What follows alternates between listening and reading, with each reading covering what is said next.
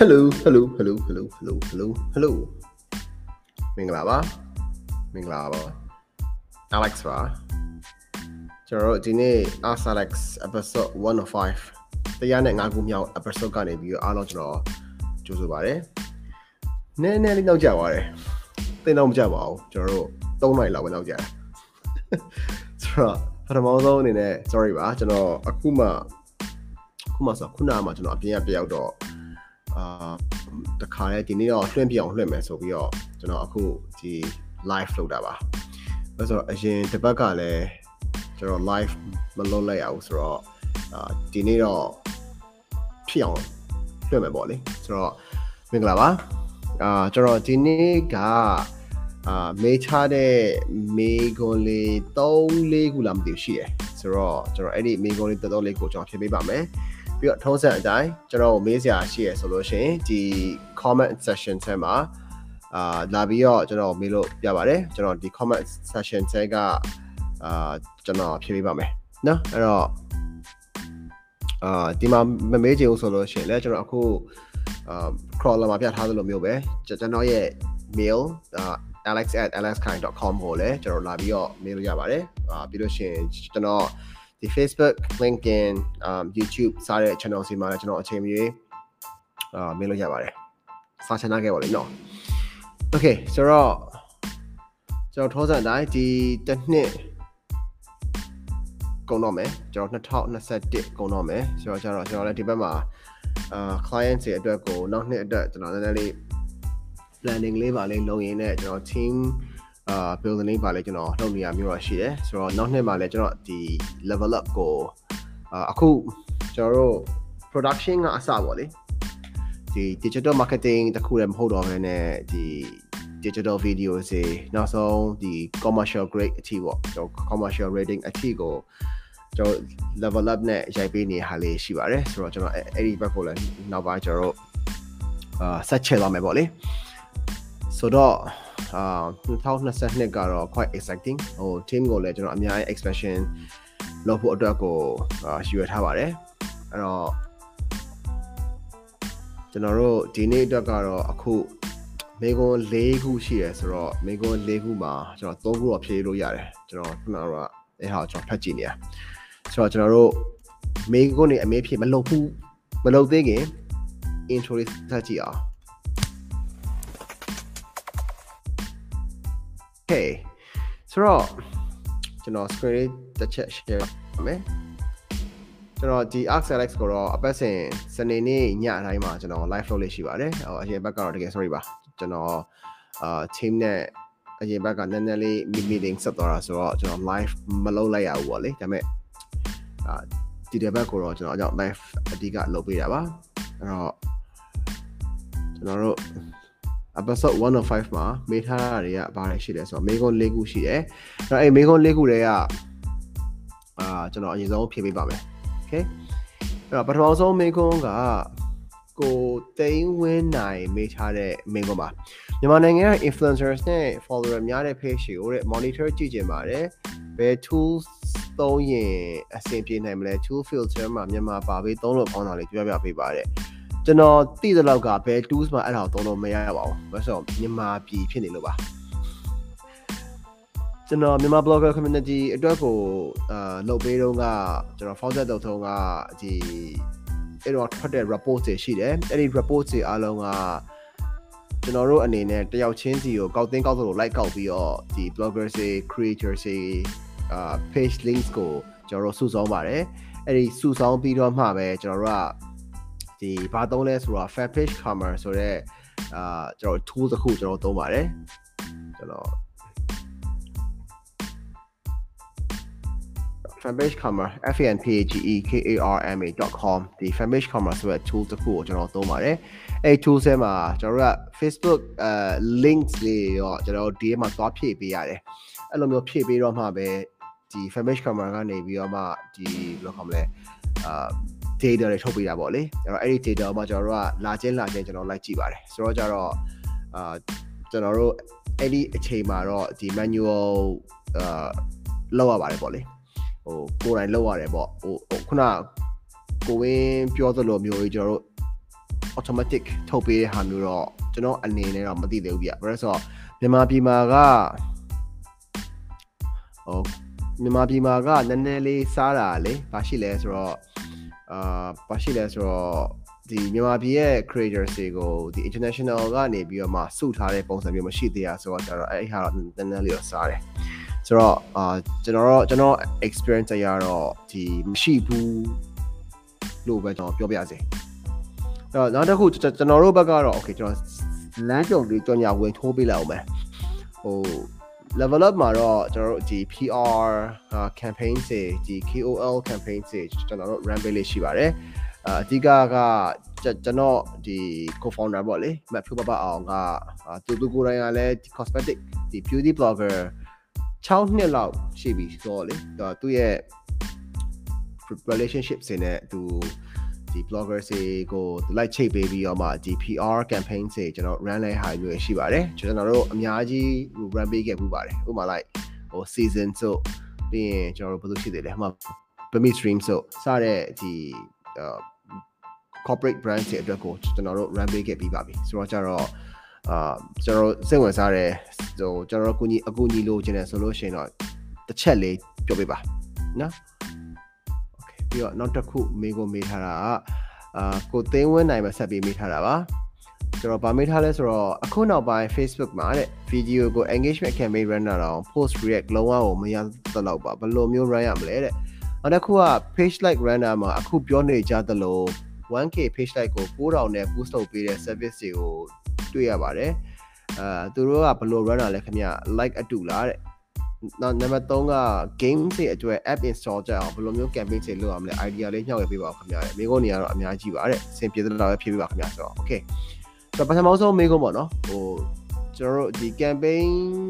video ကို engagement campaign runner တောင် post react လုံးဝကိုမရတဲ့လောက်ပါဘယ်လို run ရမလဲဗျဆိုရယ်မိကုန်းကလေအာကျွန်တော်အဲ့ဒီဟာကိုဘယ်လိုဖြည့်ပေးရမလဲဆိုတော့ video တွေ engagement campaign ရနေဆိုလို့ရှိရင်ကသူကဘာရလဲဆိုတော့ video view ရတာအာဘယ်လိုခေါ်မလဲ video အတွက်ကို post react ရတာမဟုတ်ဘူး video view ကလည်းဒီ engagement အထဲမှာပါသွားပြီဖြစ်တဲ့အတွက်ကြောင့်ဒီ video view ကိုပဲ Facebook ကပေးတာပါဆိုတော့ဟို post react လုပ်ချင်တယ်ဆိုလို့ရှိရင်တော့ video ထက်စားလို့ရှိရင် photo post တွေပဲတင်ပါအဲ့ဒါကကျွန်တော်ပို့ပြီးတော့ရလွယ်နိုင်ပါတယ် ပြီးတော့ရှင်ဒုတိယတစ်ခုကဘာရနိုင်လဲဆိုတော့လေအာကျွန်တော်တို့ဗီဒီယိုထဲမှာအဲ့ဗီဒီယိုကိုဗျာပြောမှဆိုလို့ရှင် like like and share လုပ်ပေးရဆိုလို့ရှင်ဟိုမှာစုတစ်ခုပေးတယ်ပေါ့စုအသေးလေးတစ်ခုပေးရပေါ့ဟိုအဲ့လိုမျိုးလုပ်တယ်ဆိုလို့ရှင်တော့ဒါအာရနိုင်ပါတယ်ဒါပေမဲ့ဒီတိုင်းကြီးကျွန်တော်တို့ဗီဒီယိုကိုတွားပြီးတော့ post လုပ်ပြီးတော့မှတက်မလားဟိုဟို engagement campaign နဲ့ကျွန်တော် run လိုက်တယ်ဆိုလို့ရှင်ကအာဒီ post react ကိုရဖို့အတွက်အင်မတန်ခဲရင်ပါတယ်။ resort ဗီဒီယိုကြောင့်ပါဗီဒီယို content တွေဒီ Facebook ကဗီဒီယို view နဲ့ပဲ run run ဒီဒီ engagement နဲ့ပဲ run run အဲ့နှစ်ခုလုံးက video view ကိုပဲတက်ပေးရအတွက်ဖြစ်တာကြောင့်ဒါ post react တော့အရာအနည်းနိုင်ပါတယ်နော်ပြောရှင်နောက်တစ်ခုဒီ page like run တဲ့နေရာမှာ 1k page like ကို9000နဲ့ပို့ဆုပ်ပေးတဲ့ service တွေကိုတဲ့တွေ့ရတယ်တဲ့သူကဘယ်လို run တာလဲတဲ့ like အထူလားတဲ့ဆိုတော့ um ကျွန်တော်ပုံမှန်လေးပြောရင်တော့မပြောတတ်ပါဘူးဟိုဘာလို့လဲဆိုတော့သူတို့ program ကျွန်တော်မသိဘူးဒါပေမဲ့ဟိုကျွန်တော်တို့9000လောက်အထိဆိုလို့ရှိရင်ကဘယ်လောက်ဖြစ်သွားမလဲ 1k ကို9000ဆိုတော့9000ဆိုတော့ဘယ်လောက်ဒေါ်လာပဲရှိတယ်4.5ဒေါ်လာပဲရှိတယ်4.5ဒေါ်လာဆိုတော့တော်တော်လေးတော့နည်းပါတယ်အဲ့တော့ like အတူလားဆိုတော့လဲ ဒါသူတို့ရဲ့ RAM of run တီးတော့မှပဲကျွန်တော် like အတူလားအဆက်လားပြောလို့ရမှာဟုတ်ဆိုတော့ကြတော့ဟိုကျွန်တော်ကတော့ဘာပဲမြင်လဲဆိုတော့အများနဲ့ကျွန်တော်ပြောလို့ရှိတာကဒီကျွန်တော် page ကိုအာဘယ်လိုခေါ်မလဲ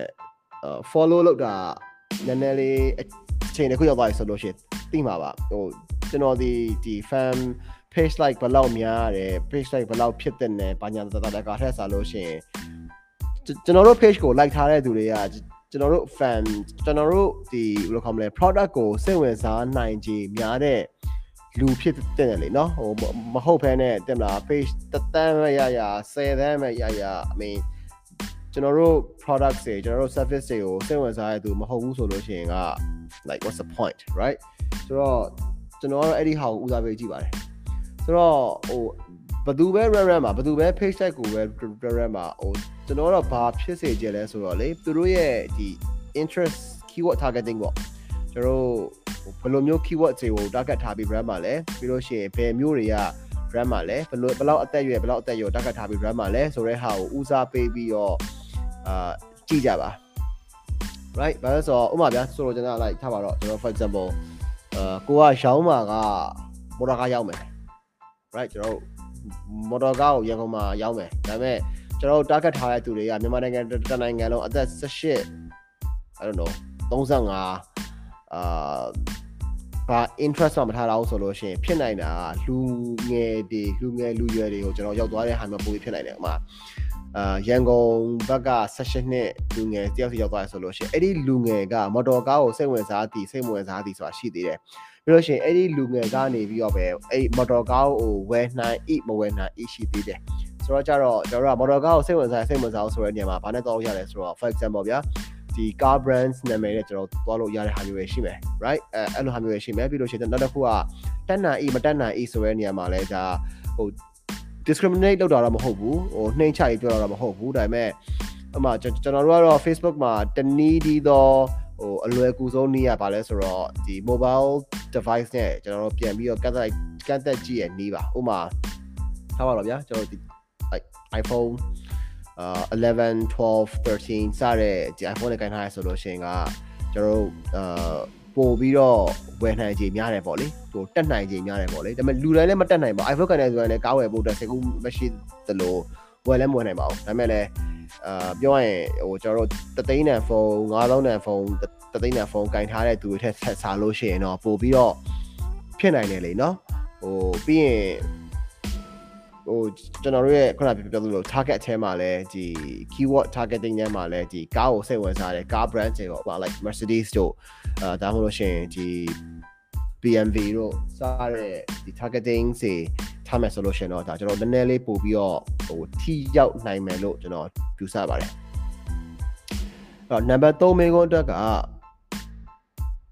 ကျွန်တော်တို့ game တွေအတွက်တဲ့ app install ကြအောင်ဘယ်လို campaign တွေ run ရမလဲတဲ့ idea လေးမျှဝေပေးပါဦးတဲ့ဆိုတော့ game တွေအတွက် app install တက်အောင်ဘယ်လိုမျှဝေပေးဘယ်လို idea ဘယ်လို campaign ဆောက်ရမလဲဆိုတော့လေကျွန်တော်အခု Facebook မှာတွေ့နေရတဲ့အများစုကတော့ဟို Facebook နဲ့ဘယ်လိုခေါ်မလဲကျွန်တော် games ဒီ Google games တွေထဲမှာကျွန်တော်ညဒီ awareness campaign တွေတွားနေကြတာအများစုကျွန်တော်သတိထားမိတယ်ဒါကတော့လက်ရှိတခြားနိုင်ငံက gamers တွေ game developers တွေ gamers ဆိုတော့ game developers တွေကျွန်တော်တို့ ကြော်ညာတဲ့အပိုင်းပေါ့လေဆိုတော့ကြတော့ဒီမှာကတော့ကျွန်တော်ဘာသွားပြီးတော့တွေ့လဲဆိုတော့ဟို game အတွက်က app install တက်အောင်လုပ်မယ်ဆိုလို့ရှိရင်အာလက်ရှိအခြေအနေမှာလက်ရှိအခြေအနေမှာကျွန်တော်တို့ဘယ်လိုခေါ်မလဲเนาะအမ်အိမ်မှာနေနေရတဲ့သူတွေများနေရဆိုတော့ကြတော့လေနည်းနည်းလေး context context campaign ပေါ့နော်ကျွန်တော်ထားပါတော့ပြိုင်ပွဲလေးတစ်ခုအသေးစားလေးပေါ့ကျွန်တော်တို့ဒီလဆင်လဆင်လဆင်ပြိုင်ပွဲလေးလုပ်ပေးပြီးတော့မှဥမာကျွန်တော် high score အများဆုံးရတဲ့သူကိုမပေးမယ်ညာပေးမယ်ပေါ့ကျွန်တော်အဲ့လိုမျိုးလေးကျွန်တော်တို့သွားနိုင်တယ်ဆိုလို့ရှိရင်တော့ဒါအာပို့ပြီးတော့အဆင်ပြေနိုင်မယ်လို့ကျွန်တော်မြင်မိပါတယ်ဟို high score များတဲ့သူကိုတယ်မလားဟိုဒီလာရဲ့ high score top ဆိုတော့ game တွေအကုန်လုံးကကျွန်တော်တော့ဗာမြင်လဲဆိုတော့လေဥမာကျွန်တော်တို့အခု ကြည့်ထားပါတော့ကျွန်တော်ငငယ်ကလေးကဆော့ကြတဲ့ Counter Strike ရှိရယ်ပြီးလို့ရှိရင်ကျွန်တော် Dota World of Warcraft အာပြီးရင်တခြားသောဒီ Candy Crush တို့ဘာကြတဲ့ကာတို့ပေါ့လေအဲ့ဒီဟာတွေအကုန်လုံးကကျွန်တော်တို့ကဟို game ဆရာဘာနဲ့လောက်လိုက်လဲဆိုတော့ဒီကိုတငယ်ချင်းတွေနဲ့ကိုတူတူဆော့တဲ့အချိန်မှာဘယ်သူကထိရောက်နေရလဲဘယ်သူကအောက်ရောက်နေရလဲဆိုတဲ့ဘက်ကိုပို့ပြီးသွားတာများတယ်အဲ့တော့အာကျွန်တော်ကတော့ဘာအကြံပေးခြင်းလဲဆိုတော့ဟိုလုံးစေကျွန်တော်ကတော့ဒီ ဒီ high score high score တခုလုပ်ပေးလိုက်ပေါ့လေเนาะအဲ့တော့ high score လုပ်ပေးလိုက်ပြီးတော့မှဥမာဒီလာရဲ့ high score အမြင့်ဆုံးကပါပါပေးမယ်ညာပေးမယ်ပေါ့ပြီးလို့ရှိရင်နောက်တစ်ခုဘာရနိုင်လဲဆိုတော့ဟိုကျွန်တော်မြင်တာက like ဟို referral ကျွန်တော်သွားစေချင်ပါတယ်ဆိုတော့ referral ဆိုတဲ့နေရာမှာပြောရမယ်ဆိုလို့ရှိရင်ဗျာအာဒါတော့ကျွန်တော်တငယ်ချင်းတွေကိုကျွန်တော်ခေါ်လာပေးမယ်ဆိုလို့ရှိရင်သူတို့ဘယ်နှ point game points ပေါ့လေเนาะ game coin ပဲဖြစ်ဖြစ် game points ပဲဖြစ်ဖြစ်ပေါ့အဲ့ဘယ်နှ point ကျွန်တော်ပေးနိုင်တယ်ဆိုလို့ရှင်ကဒါ game game ထဲကဟို currency နဲ့ကျွန်တော်တို့ပြန်ချိတ်ပေးနိုင်တယ်ဆိုလို့ရှင်ဒါတော်တော်လေးကိုအာတငယ်ချင်းတွေလည်းကျွန်တော်ပြန်ပြီးတော့ပါလာနိုင်တဲ့အာတခုဖြစ်နိုင်တာ哦ဆိုတော့ကြတော့ကျွန်တော်အဲ့အဲ့ဒီဒီ context contest contest run တဲ့ဟာရယ်ပြီးလို့ရှိရင်ဒီ referral campaigns အဲ့ဒီနှစ်ခုကိုတော့ တော်တော်လေးလုပ်စေချင်တယ်ပြီးတော့တတိယတစ်ခုကကျွန်တော်ကောင်းထဲမှာဘာဖြတ်ခနဲ့ပေါ်လာလဲဆိုတော့ဒီ Facebook Pixel နဲ့ဒီ app ထဲကိုချိန်ကြည့်ပါဟို Facebook Pixel နဲ့ဒီ app ကိုချိန်ရဲဆိုလို့ရှိရင်ကဒီ app ထဲမှာအာဝင်စော့နေတဲ့သူတွေပေါ့လေအဲ့ဒီသူတွေကို ਨੇ တူတဲ့ look alike audience ကိုကျွန်တော်တို့ကလုပ်လို့ရတယ်ပြီးလို့ရှိရင်ဟို friends of uh fans อ่ะ ဟို friends of people who like your page ဆိုတဲ့ဟာမျိုးရှိတယ်လေဟိုကျွန်တော် targeting ရဲ့အောက်နားလေးမှာအဲ့ဒါဆိုလို့ရှိရင်ကကျွန်တော်တို့ဒီ game ကိုပို့ပြီးတော့ installation များလာအောင် push လုပ်လို့ရတယ်ဆိုတော့အဲ့ဒီဟိုပုံစံမျိုးတွေကလည်းတော်တော်လေးကိုကျွန်တော် effective ဖြစ်မယ်လို့ထင်ပါတယ်ဒါပေမဲ့ဒီမှာ game ကဘာ game လဲလို့မသိတဲ့အချိန်မှာကျွန်တော်မပြပြတတ်ဘူးဆိုတော့ပွင့်လေပြောမယ်ကျွန်တော်ကတော့ longer စား game တွေဆိုလို့ရှင်တော့မကြိုက်ဘူးဆိုတော့ဟိုတော့တခြား game တွေဆိုလို့ရှင်တော့ maybe ကျွန်တော်စောစောကပြောတဲ့ အာနီလန်၃ခုနဲ့ကတော့တော်တော်လေးအဆင်ပြေနိုင်မယ်လို့ကျွန်တော်မျှော်လင့်ပါတယ်နော်အဲ့တော့ hopefully it works ပါနောက်ထပ်တစ်ခုကျွန်တော်တွက်ကြည့်အောင် okay ကိုမင်းစေသူမေးထားတာကအခုနောက်ပိုင်းနဲ့ Telegram တွေတုံးတဲ့လူတွေများလာတော့ advertisement post ကိုတဲ့တမာရိုးကြ Facebook မှာမလုပ်ဖ ೇನೆ Telegram ads မှာစမ်းကြည့်သိရင်လားတဲ့အာ good question ကျွန်တော်တို့ အရေးကြီးတာလေအရေးကြီးတာဗာလဲဆိုတော့ကျွန်တော်အမြဲတမ်းအမြဲတမ်းအာပြောတယ်ပေါ့နော်ကျွန်တော်တို့ဒီ Facebook မှာကြည်နေတဲ့သူတွေရယ်ပြီးရင်ကျွန်တော်တခြားသော platform တွေမှာကြည်နေတဲ့သူတွေအဲ့ဒီပုံစံမျိုးတွေကျွန်တော်တို့ကြည်ရတဲ့ပုံစံချင်းကွာတယ်ဗျာဥပမာဆိုလို့ရှိရင် like ကျွန်တော် Facebook ကိုကြည်ရတဲ့သူနဲ့ဒီ Telegram ကိုကြည်ရတဲ့သူနဲ့ Instagram ကိုကြည်ရတဲ့သူနဲ့ အာပြီးရင်ကျွန်တော် LinkedIn ကိုကြည့်ရတူနဲ့ကြည့်တဲ့သူတူပေမဲ့ကြည့်ရတဲ့အကြောင်းရင်းကျွန်တော်တို့ကွာတယ်ဆိုတော့ကြတော့ဟို Telegram မှာအခုကျွန်တော်တို့ ads တွေအနေနဲ့ကြောင်းကြမယ်ဆိုလို့ရှိရင်ကကျွန်တော်တို့ဘာရနိုင်လဲဆိုတော့ဒီ sponsor messages ပေါ့လေကျွန်တော် Facebook မှာဟို sponsor message လုပ်တယ်လို့မျိုးဒီ SMS ပို့တယ်လို့မျိုးဗျာပြောမှာဆိုလို့ရှိရင်ကျွန်တော် SMS ပို့တယ်လို့မျိုးဟိုပို့လို့ရတယ်အဲ့တော့ကျွန်တော်ကတော့ ပြောရရင်အဲ့လောက်ကြီး SMS like ကျွန်တော်တို့မှာ Viber လည်းရှိရယ် Viber ဆိုလို့ရှိရင်ကျွန်တော်တီးသလောက်ဘယ်လောက်ပဲလဲဆိုတော့ like 6ချက်လားမသိဘူး6ချက်လား12ချက်လားမသိဘူးကျွန်တော်တို့ S8 Viber message စစောင်း Telegram က Viber လောက်လူများအောင်မလားပေါ့လေ Viber ကဒီမှာတော်တော်ကြီးကိုတနိုင်ငံလုံးနှီးပါလောက်က Viber account တွေရှိကြတာ哦ဆိုတော့ကြတော့ Viber လောက်လူများအောင်မလားပေါ့အဲ့တော့ Viber ကနေပြီးတော့မှ12ချက် 12ချက်ဆိုလို့ရှိရင်တော့ပြောမှဆိုလို့ရှိရင်ဒါကျွန်တော်တို့ဘယ်လိုခေါ်မလဲအာ SMS တခြားသောဒီဒီကျွန်တော်တို့ SMS ကိုဖုန်းနဲ့ text ရိုက်ပြီးတော့ပို့ရတာဆိုလို့ရှိရင်ပို့ပြီးဈေးပေါ်သေးတယ်လေနော်ကျွန်တော်တို့စီမှာတော့ကျွန်တော်ဘယ်လောက်နဲ့ပေးလို့ရလဲဆိုတော့ SMS တစ်စောင်ကိုကျွန်တော်တို့6ချက်လောက်နဲ့ကျွန်တော်တို့ပေးလို့ရတယ်ဒီ level up ကနေပြီးတော့အဲ့တော့ SMS ပို့ချင်တယ်ဆိုလို့ကျွန်တော်ကျွန်တော်တို့ကူညီပေးလို့ရတယ်ပေါ့လေအဲ့တော့ again ကျွန်တော်ဒီ Telegram gram လဲ same shit ပါဆိုတော့ Telegram သုံးလာတဲ့သူတွေများလာတာတော့ဟိုကျွန်တော်လည်းလက်ခံတယ်ဒါပေမဲ့အဲ့ဒီဟာကိုဒီ organic grow အစား organic grow ဆိုတာကျွန်တော်တို့ Viber တို့ Telegram တို့ကိုဒီတိုင်းကျွန်တော် post တင်တဲ့ပုံစံမျိုးအစားဟိုတွားပြီးတော့ကြော်ညာတဲ့ပတ်စံပေးကြော်ညာတဲ့အပိုင်းတော့ကျွန်တော်သိပြီးတော့အာမပေးချင်သေးဘူးရယ်ဘာလို့လဲဆိုတော့ still ဒီ Facebook က still king ပေါ့လေเนาะကျွန်တော်တို့ပတ်စံ3တဲ့နေရာမှာ still king ဖြစ်နေတယ်အကယ်လို့ကိုယ့်ရဲ့အာဘယ်လိုခေါ်မလဲကိုမင်းစေသူရဲ့အာရုံးပေါ့လေကျွန်တော်တို့ corporate တွေဟိုတချို့ corporate တွေရှိရဗျာဆိုတော့နေရာတကာမှာဟိုကိုယ့်ရဲ့နေရာတကာမှာကိုယ့်ရဲ့ brand presence ရှိခြင်းနဲ့ corporate တွေရှိတယ်ဟိုအဲ့လိုမျိုးဆိုလို့ရှိရင်တော့ yes ဒါတော့ကျွန်တော်သုံးစေခြင်းနဲ့သုံးလို့ရတယ်ဒါပေမဲ့ဟို SME စီအခြေအနေနည်းနည်းလေးအာ budget ကိုထိန်းထားရတဲ့ SME စီဆိုလို့ရှိရင်တော့ကျွန်တော်ကတော့ဟို Telegram တော့ဖွင့်တာပြီးလို့ရှိရင် Telegram မှာလူတွေနဲ့ကျွန်တော်ဘယ်လိုမျိုးအပြန်လှန်စကားပြောရမလဲဆိုတော့ community management ကိုကျွန်တော်ဦးစားပေးသွားစေချင်တယ်ဘယ်လိုမျိုးကြီးပတ်စံပေးကြော်ညာတဲ့ဒီ sponsor message လုပ်တဲ့ဟာ အာကျွန်တော်ကျွန်တော်အမြင်ပေါ့လေနော်ကျွန်တော်အရင်တော့ကလည်းဒီ fiber တို့ဘာလို့ပါကျွန်တော်စမ်းကြည့်ဘူးတယ်အဲ့လောက်ဒီ effective မဖြစ်ဘူးအဲ့တော့ community ကိုဒီ Telegram တို့ဒီ fiber တို့မှာဘယ်လိုမျိုး grow လုပ်ကြမယ်ဆိုတဲ့ဘက်ကိုစဉ်းစားပြီးတော့မှဒီ organic နဲ့ပေါ့လေတင်မလားအာကျွန်တော်သွားမယ်ဆိုလို့ရှင်တော့နည်းလေးပို့ပြီးအဆင်ပြေတယ်ဒုတိယချက်ကကြတော့လေကျွန်တော်ဘာဘာပြောချင်လဲဆိုတော့စောစောကပြောတဲ့ဟာဒီ Facebook မှာတင်တဲ့ post ကို Telegram မှာတင်တင်လာပေါ့ Facebook မှာတင်တဲ့ post ကို ဒီ Instagram မှာတင်သင့်လားပေါ့ Facebook မှာတင်တဲ့ post ကိုကျွန်တော် link ရဲ့ November တို့မှာတင်သင့်သလားပေါ့အဲ့တော့အဲ့ဒီဟာတွေကဟိုကျွန်တော်အနေနဲ့ဘာပြောချင်လဲဆိုတော့အာ same post ကို like of course ဟိုကိုယ့်ရဲ့ resource နဲ့စင်တာပေါ့လေနော်ဥပမာတယောက်တည်းရှိတယ် platform ၈ခုလောက်ကန်ရတယ်၉ခုလောက်ကန်ရတယ်ကျွန်တော်ဆိုကျွန်တော်ဒီ NS ကန်ဆိုတော့ဟိုကျွန်တော် personal branding လုပ်နေတဲ့ page တွေဆိုလို့ရှိရင် Facebook Instagram uh, LinkedIn YouTube Spotify Google Podcast Apple Podcast Anchor FM ကျွန်တော်၈ခုရှိတယ်အဲ့တော့အဲ့၈ခုလုံးမှာကျွန်တော်ဘလို့မှလိုက်ပြီးတော့ဟိုစာသားမပြောင်းနိုင်ဘူးပြီးလို့ရှိရင်ကျွန်တော်ပုံမပြောင်းနိုင်ဘူးအဲ့ခါကျတော့ကျွန်တော်တယောက်တည်းနဲ့ဒီ channel စီအကုန်လုံးမှာ same content ကိုကျွန်တော်တင်နေရတယ်ဆိုတော့အာပြောရမယ်ဆိုလို့ရှိရင်ကျွန်တော်အနေနဲ့ကဟို resource ရှိတယ်လုံးလို့ရတယ်ဆိုလို့ရှိရင်တော့ မလေးကျွန်တော်ဘာပြောချင်လဲဆိုတော့ဥပမာကျွန်တော်အခုဒီ Ask Alex လုပ်တယ်ဗျာ Ask Alex လုပ်တဲ့ပုံစံမျိုးကိုပဲအာကျွန်တော်တို့စကားဒီတကယ် main points တွေကိုကျွန်တော်ပြန်ပြန်ပြန်ဖြတ်ဖြတ်ဖြတ်ပြီးတော့မှဆိုင်ရာဆိုင်ရာကျွန်တော် platform တွေမှာသွားပြီးတင်တယ်ဆိုလို့ရှိရင်ကဟိုအဲ့ဒီ platform အတွက်ကိုလည်းကျွန်တော်ပို့ပြီးတော့အာ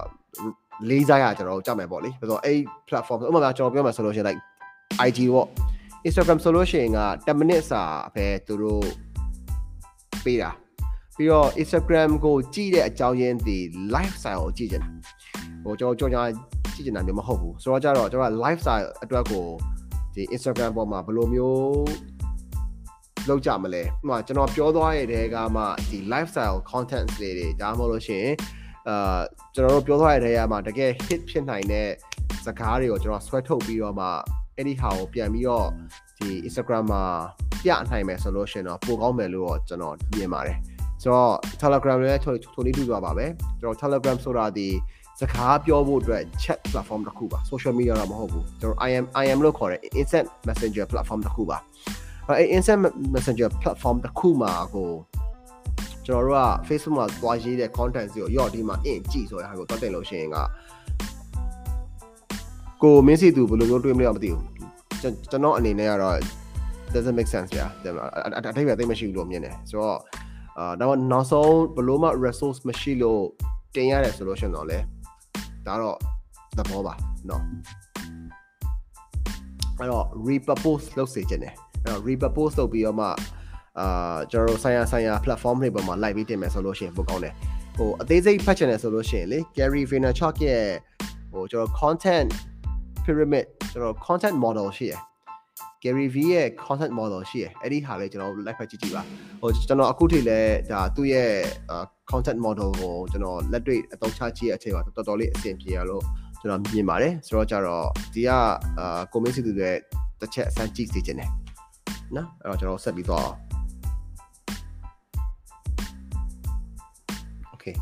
အပေါ်အပေါ်ဆုံးမှာမေးထားတာ May thank you မေးထားတာပါ page မှာ batch အသက်လေးတွေပေးတာတဲ့သူများကြည့်ရင်မပေါ်လို့ပါတဲ့ဘယ်လိုလုပ်ရလဲရှင်ဆိုတော့ဘုရင်ပြောရရင်အဲ့ဒီဟာကျတော့ technical ဖြစ်သွားပြီဆိုတော့လေကျွန်တော်လည်းမသိဘူးရဲ့အဲ့တော့ batch အသက်လေးတွေပေးတာသူများကြည့်ရင်မပေါ်လို့ပါဆိုတော့ကျတော့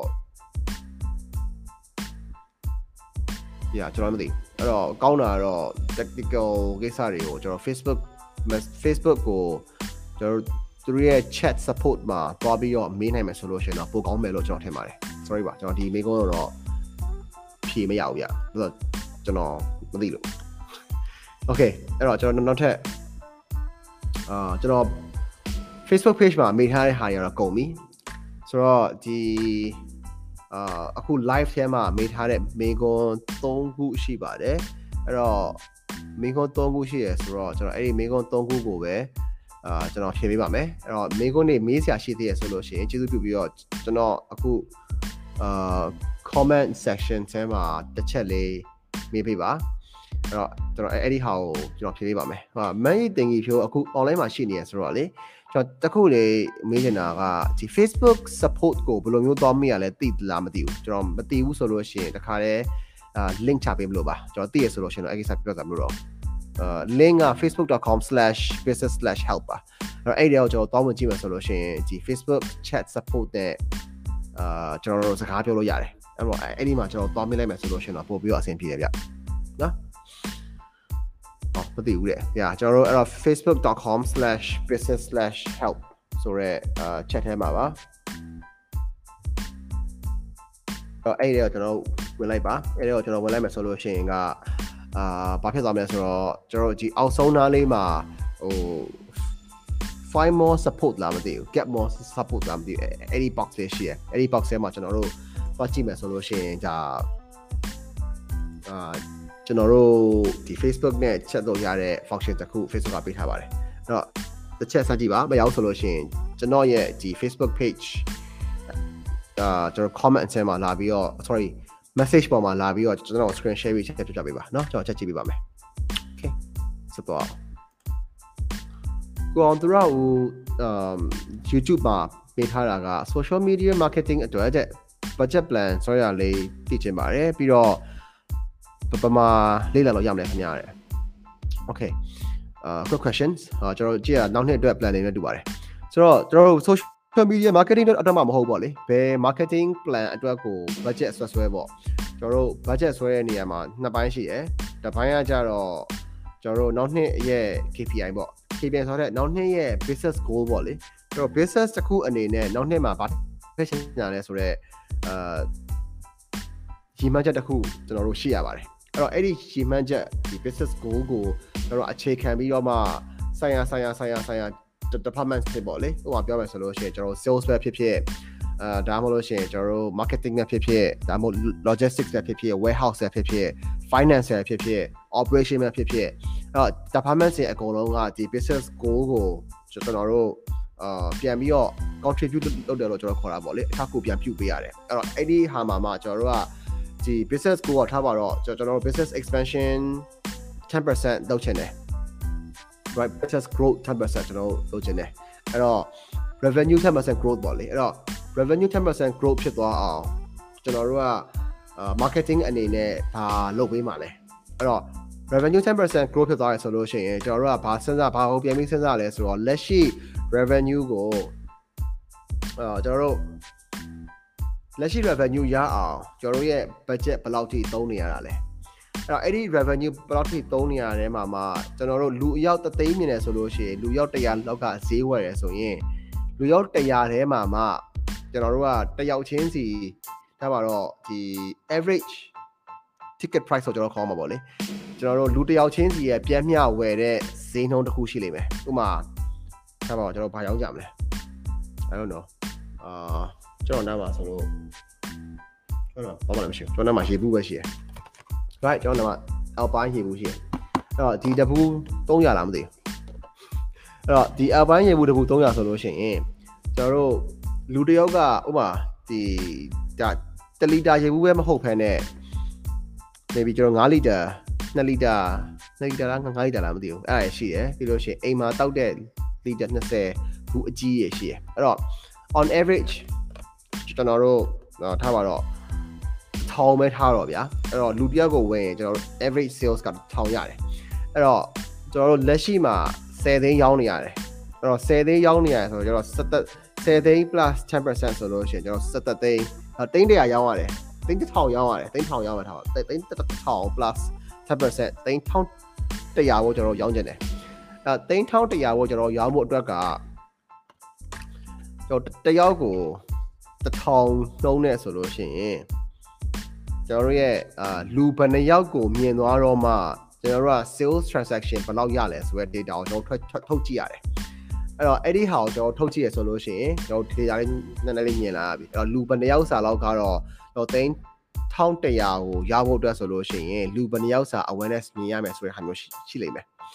အဲ့ဒါကျွန်တော်ပထမဦးဆုံးလုံးဝ basic line ကိုကျွန်တော်စစဆက်ထားတာပါ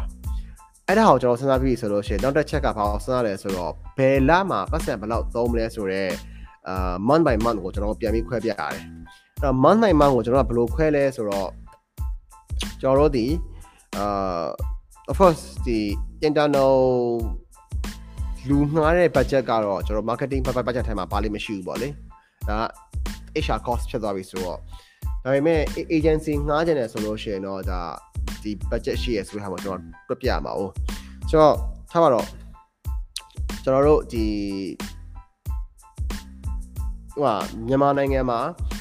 အာလူတွေအဝဲအများဆုံးကာလကဥပမာကျွန်တော်ရေတောက်အများဆုံးကာလနွေရာသီဖြစ်မလို့ထင်တယ်ဆိုတော့နွေရာကျွန်တော်တို့ရဲ့ sales circles မှာဘယ်လမှာဘလောက်ကောင်းရတယ်ဆိုရဲ sales cycle ရှိတယ်အဲ့တော့အဲ့ sales cycles ကိုကျွန်တော်တို့ operational team နဲ့အရင်ဆုံးကျွန်တော်မေးပြီးညှိရတယ်အကိုတို့ရေဘယ်လမှာတော့ကျွန်တော်တို့ဘလောက်ထိရောင်းရလဲဘယ်မြို့တွေကအဓိကရောင်းရတာလဲ right အဲ့ဒီအဲ့ဒီ sales cycle တွေကစကျွန်တော်သိအောင်လုပ်ထားရတယ်အဲ့တော့အဲ့ဒါသိပြီဆိုလို့ရှိရင်ဘာလုပ်ရလဲဆိုတော့ကျွန်တော် social media campaign တွေ run ဖို့အတွက်ကိုဥပမာကျွန်တော်မြန်မာနိုင်ငံမှာအရန်ဖြစ်ဖြစ်တဲ့ camp လ3ခုပဲရှိတယ် April ရယ် October ရယ် December ရယ် April မှာကျွန်တော်တကြံရှိတယ် October မှာတကြင်ကျွတ်ရှိရယ်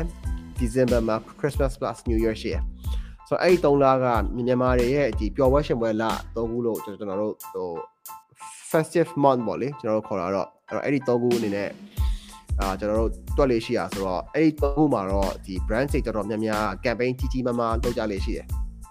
အဲ့တော့ကျွန်တော်တို့ရဲ့ဒီရေဘူးရောင်းတဲ့အချိန်ကိုအဲ့ဒီတည်းကျွန်တော်တို့ကပတ်စံဘလောက် allocate လုပ်လဲဆိုတဲ့ဟာမှာကျွန်တော်စဉ်းစားရမှာမျိုးရှိမယ်ပြီးလို့ရှိရင်ကျွန်တော်တို့ရဲ့အရန်ရောင်းအား demand အများဆုံးကာလခုနပြောလို့နွေရာသီ3လပေါ့လေကျွန်တော်တို့အာ February March April May ၄လပဲထားပါတော့ကျွန်တော်အဲ့၄လမှာအာကျွန်တော် ဘလောက်ဘယ်လမှာတော့ဘလောက် allocate ထားခြင်းလဲဆိုတဲ့ပုံစံမျိုးကျွန်တော်တွက်ပေးရတယ်အဲ့တော့အဲ့ဒီဟာကိုမှကျွန်တော်တို့ကဘာပြန်ခွဲရလဲဆိုတော့ကျတော့ဒီဘယ် channel မှာပေါ့နော်ဥပမာပြောမှဆိုလို့ရှိရင်ကိုယ့်ရဲ့ Facebook page မှာကျွန်တော်လူဘယ်နှယောက် reach ဖြစ်သွားအောင်လုပ်မှာလဲပြီးရင်ကိုယ့်ရဲ့ဒီဘယ်လိုခေါ်မလဲကိုယ့်ရဲ့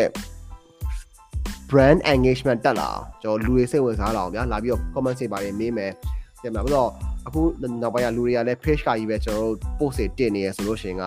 စပတ်မလို့ဆိုတော့ကြတော့လူတွေစပတ်လို့လောက်ဒီ KOL တွေပါတယ်ကျွန်တော်ငှားရမယ်ဆိုလို့ရှိရင်အဲ့ဒီ PR campaign အတွက်ကိုဘယ်လောက်ချမယ်ဆိုတဲ့ဟာကိုကျွန်တော် story စဉ်းစားပေးရတယ်အဲ့တော့အဲ့ဒီဟာတွေအကုန်လုံးအကုန်လုံးအကုန်လုံးကျွန်တော်စဉ်းစားပြီးတော့မှကျွန်တော် social media budget တစ်လောက်ကိုဘယ်လောက်ထိသုံးမယ်ဆိုတဲ့ဟာမျိုးထွက်လာတာပါဒါတော့ကျွန်တော်အကြမ်းမြင်ပြပြပေးတာပါဘယ်ရတင်လို့ရလဲဆိုတော့ကျွန်တော်မသိဘူးဘာလို့ဆိုတော့ကျွန်တော်ကျွန်တော်အရင်တော့လုပ်ခဲ့တဲ့နီလန်က အဲ့နီလန်ဖြစ်လို့ကျွန်တော်အဲ့ဒီအတိုင်းအာတစ်ချက်လေးကိုအောင်သူရဦးကိုပြပြပေးတာပါဆိုတော့တခုခုအထောက်အကူဖြစ်လိမ့်မယ်တော့ကျွန်တော်ပြောလင်းပါတယ်ဗျ Okay နောက်တစ်ခုကိုတီဟာကျော်ဖြို Facebook ကမိထားတာ Mandarin နဲ့စကားပြောဖို့ message ဆက်မဟုတ်ပဲနဲ့ schedule call လုပ်လို့ရပါလားတဲ့ Alex account လောက်တစ်ချက်လောက်ဖြည့်ရပေးပါဦးကိုဆိုတော့ ကျွန်တော်သိသလောက်ကတော့ message နဲ့ပဲကျွန်တော်ပြောလို့ရပါတယ်အာကျွန်တော်တို့အဲ့ဒီ message နဲ့ပြောပြီးတော့မှသူတို့ကိုငါ call လုပ်ချင်တယ်ဘယ်လိုမျိုး call လုပ်လို့ရလဲဆိုတဲ့ဟာမျိုးမေးမယ်ဆိုလို့ကျွန်တော်ပုံပြီးအဆင်ပြေရပြကျွန်တော် call ကဘယ်က processor ကကျွန်တော်မသိတခုဖြစ်နိုင်တာက Facebook ကခေါ်စေခြင်းတဲ့သူကိုသူတို့ဘက်ကနေစပြီးတော့အာ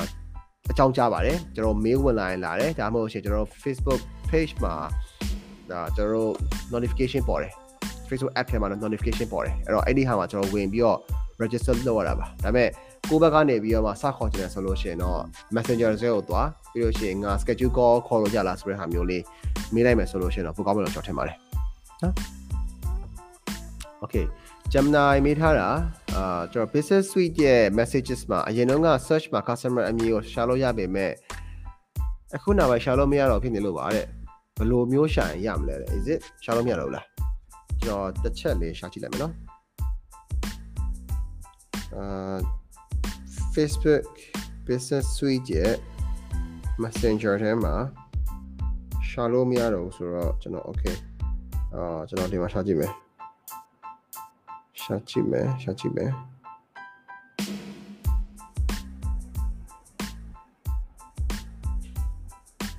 အော် okay အာ ခဏလေးနော်ကျွန်တော်ဒီမှာနည်းနည်းလေးအဓိကဟိုဟာက live ကြည့်နေတဲ့သူတွေမြင်ရတယ်ဆိုပေမဲ့ကျွန်တော်ပြီးလို့ရှိရင် Spotify တို့ဘာလို့ကနေနောက်ထောင်မဲ့သူတွေကမြင်ရမှာမဟုတ်ဘူးဆိုတော့ okay ကျွန်တော်ကျွန်တော်လည်းရှာလို့မရအောင်ဆိုတော့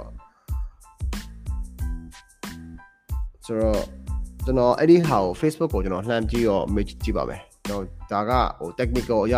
ဖြစ်တာလားဘာလားပေါ့လေနော်ကျွန်တော်လည်း play ကြရမသိဘူးဆိုတော့ thank you ပါအခုလိုမျိုး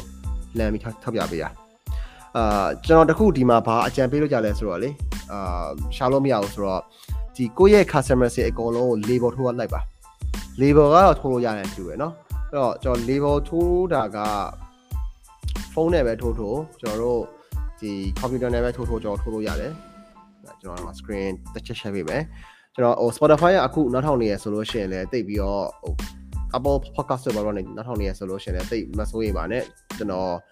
ဘာလုပ်နေလဲဆိုတာလေးကိုပြပြပေးသွားပါမယ်။အရင်ဆုံးကျွန်တော်တို့ messages ကိုဝင်ပါတက်တာကျွန်တော်ကျွန်တော် message message message message message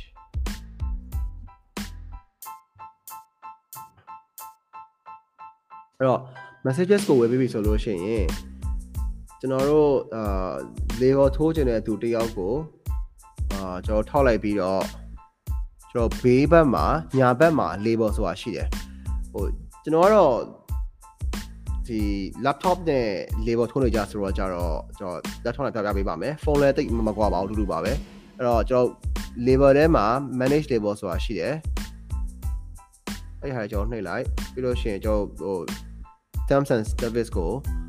အာကျွန်တော် agree လုပ်ရပါမယ် agree လိုက်ပါ okay အဲ့တော့ manage label ထပ်ဒီအောက်မှာကျွန်တော် add label ဆိုတာပေါ်လာတယ်အဲ့တော့ add label ထဲမှာအာ testing for life ကျွန်တော် label တစ်ခုထိုးလိုက်မယ်အဲ့တော့ဒီဟို Zacharias K ရဲ့အာကျွန်တော်ကြည့်ချင်တယ်ဆိုလို့ရှိရင်ကျွန်တော် Zacharias ကို Zacharias ကိုကျွန်တော်ရှာလို့မရဘူးဖြစ်နေ။ Yeah ကျွန်တော်ရှာလို့မရဘူးဆိုလို့ရှိရင်ကျွန်တော်ဘာလုပ်ချင်လဲဆိုတော့ခုနပြောတဲ့ဒီ testing for life ဆိုတဲ့ label ကိုကျွန်တော်ရှာလို့ရတယ်။အဲဒါဆိုလို့ရှိရင်ကျွန်တော်တို့ဒီ testing for life လောက်ထားတဲ့ဟို tag လောက်ထားတဲ့သူတွေအကုန်လုံးကျွန်တော်မြင်ရမှာပေါ့လေ။အဲ့တော့ကျွန်တော်တို့တယောက်ချင်းစီကိုဒီလိုမျိုးပုံစံမျိုးလေးနဲ့ tag ထားတယ်။ဥပမာဗျာကျွန်တော်အရင်တော့အာ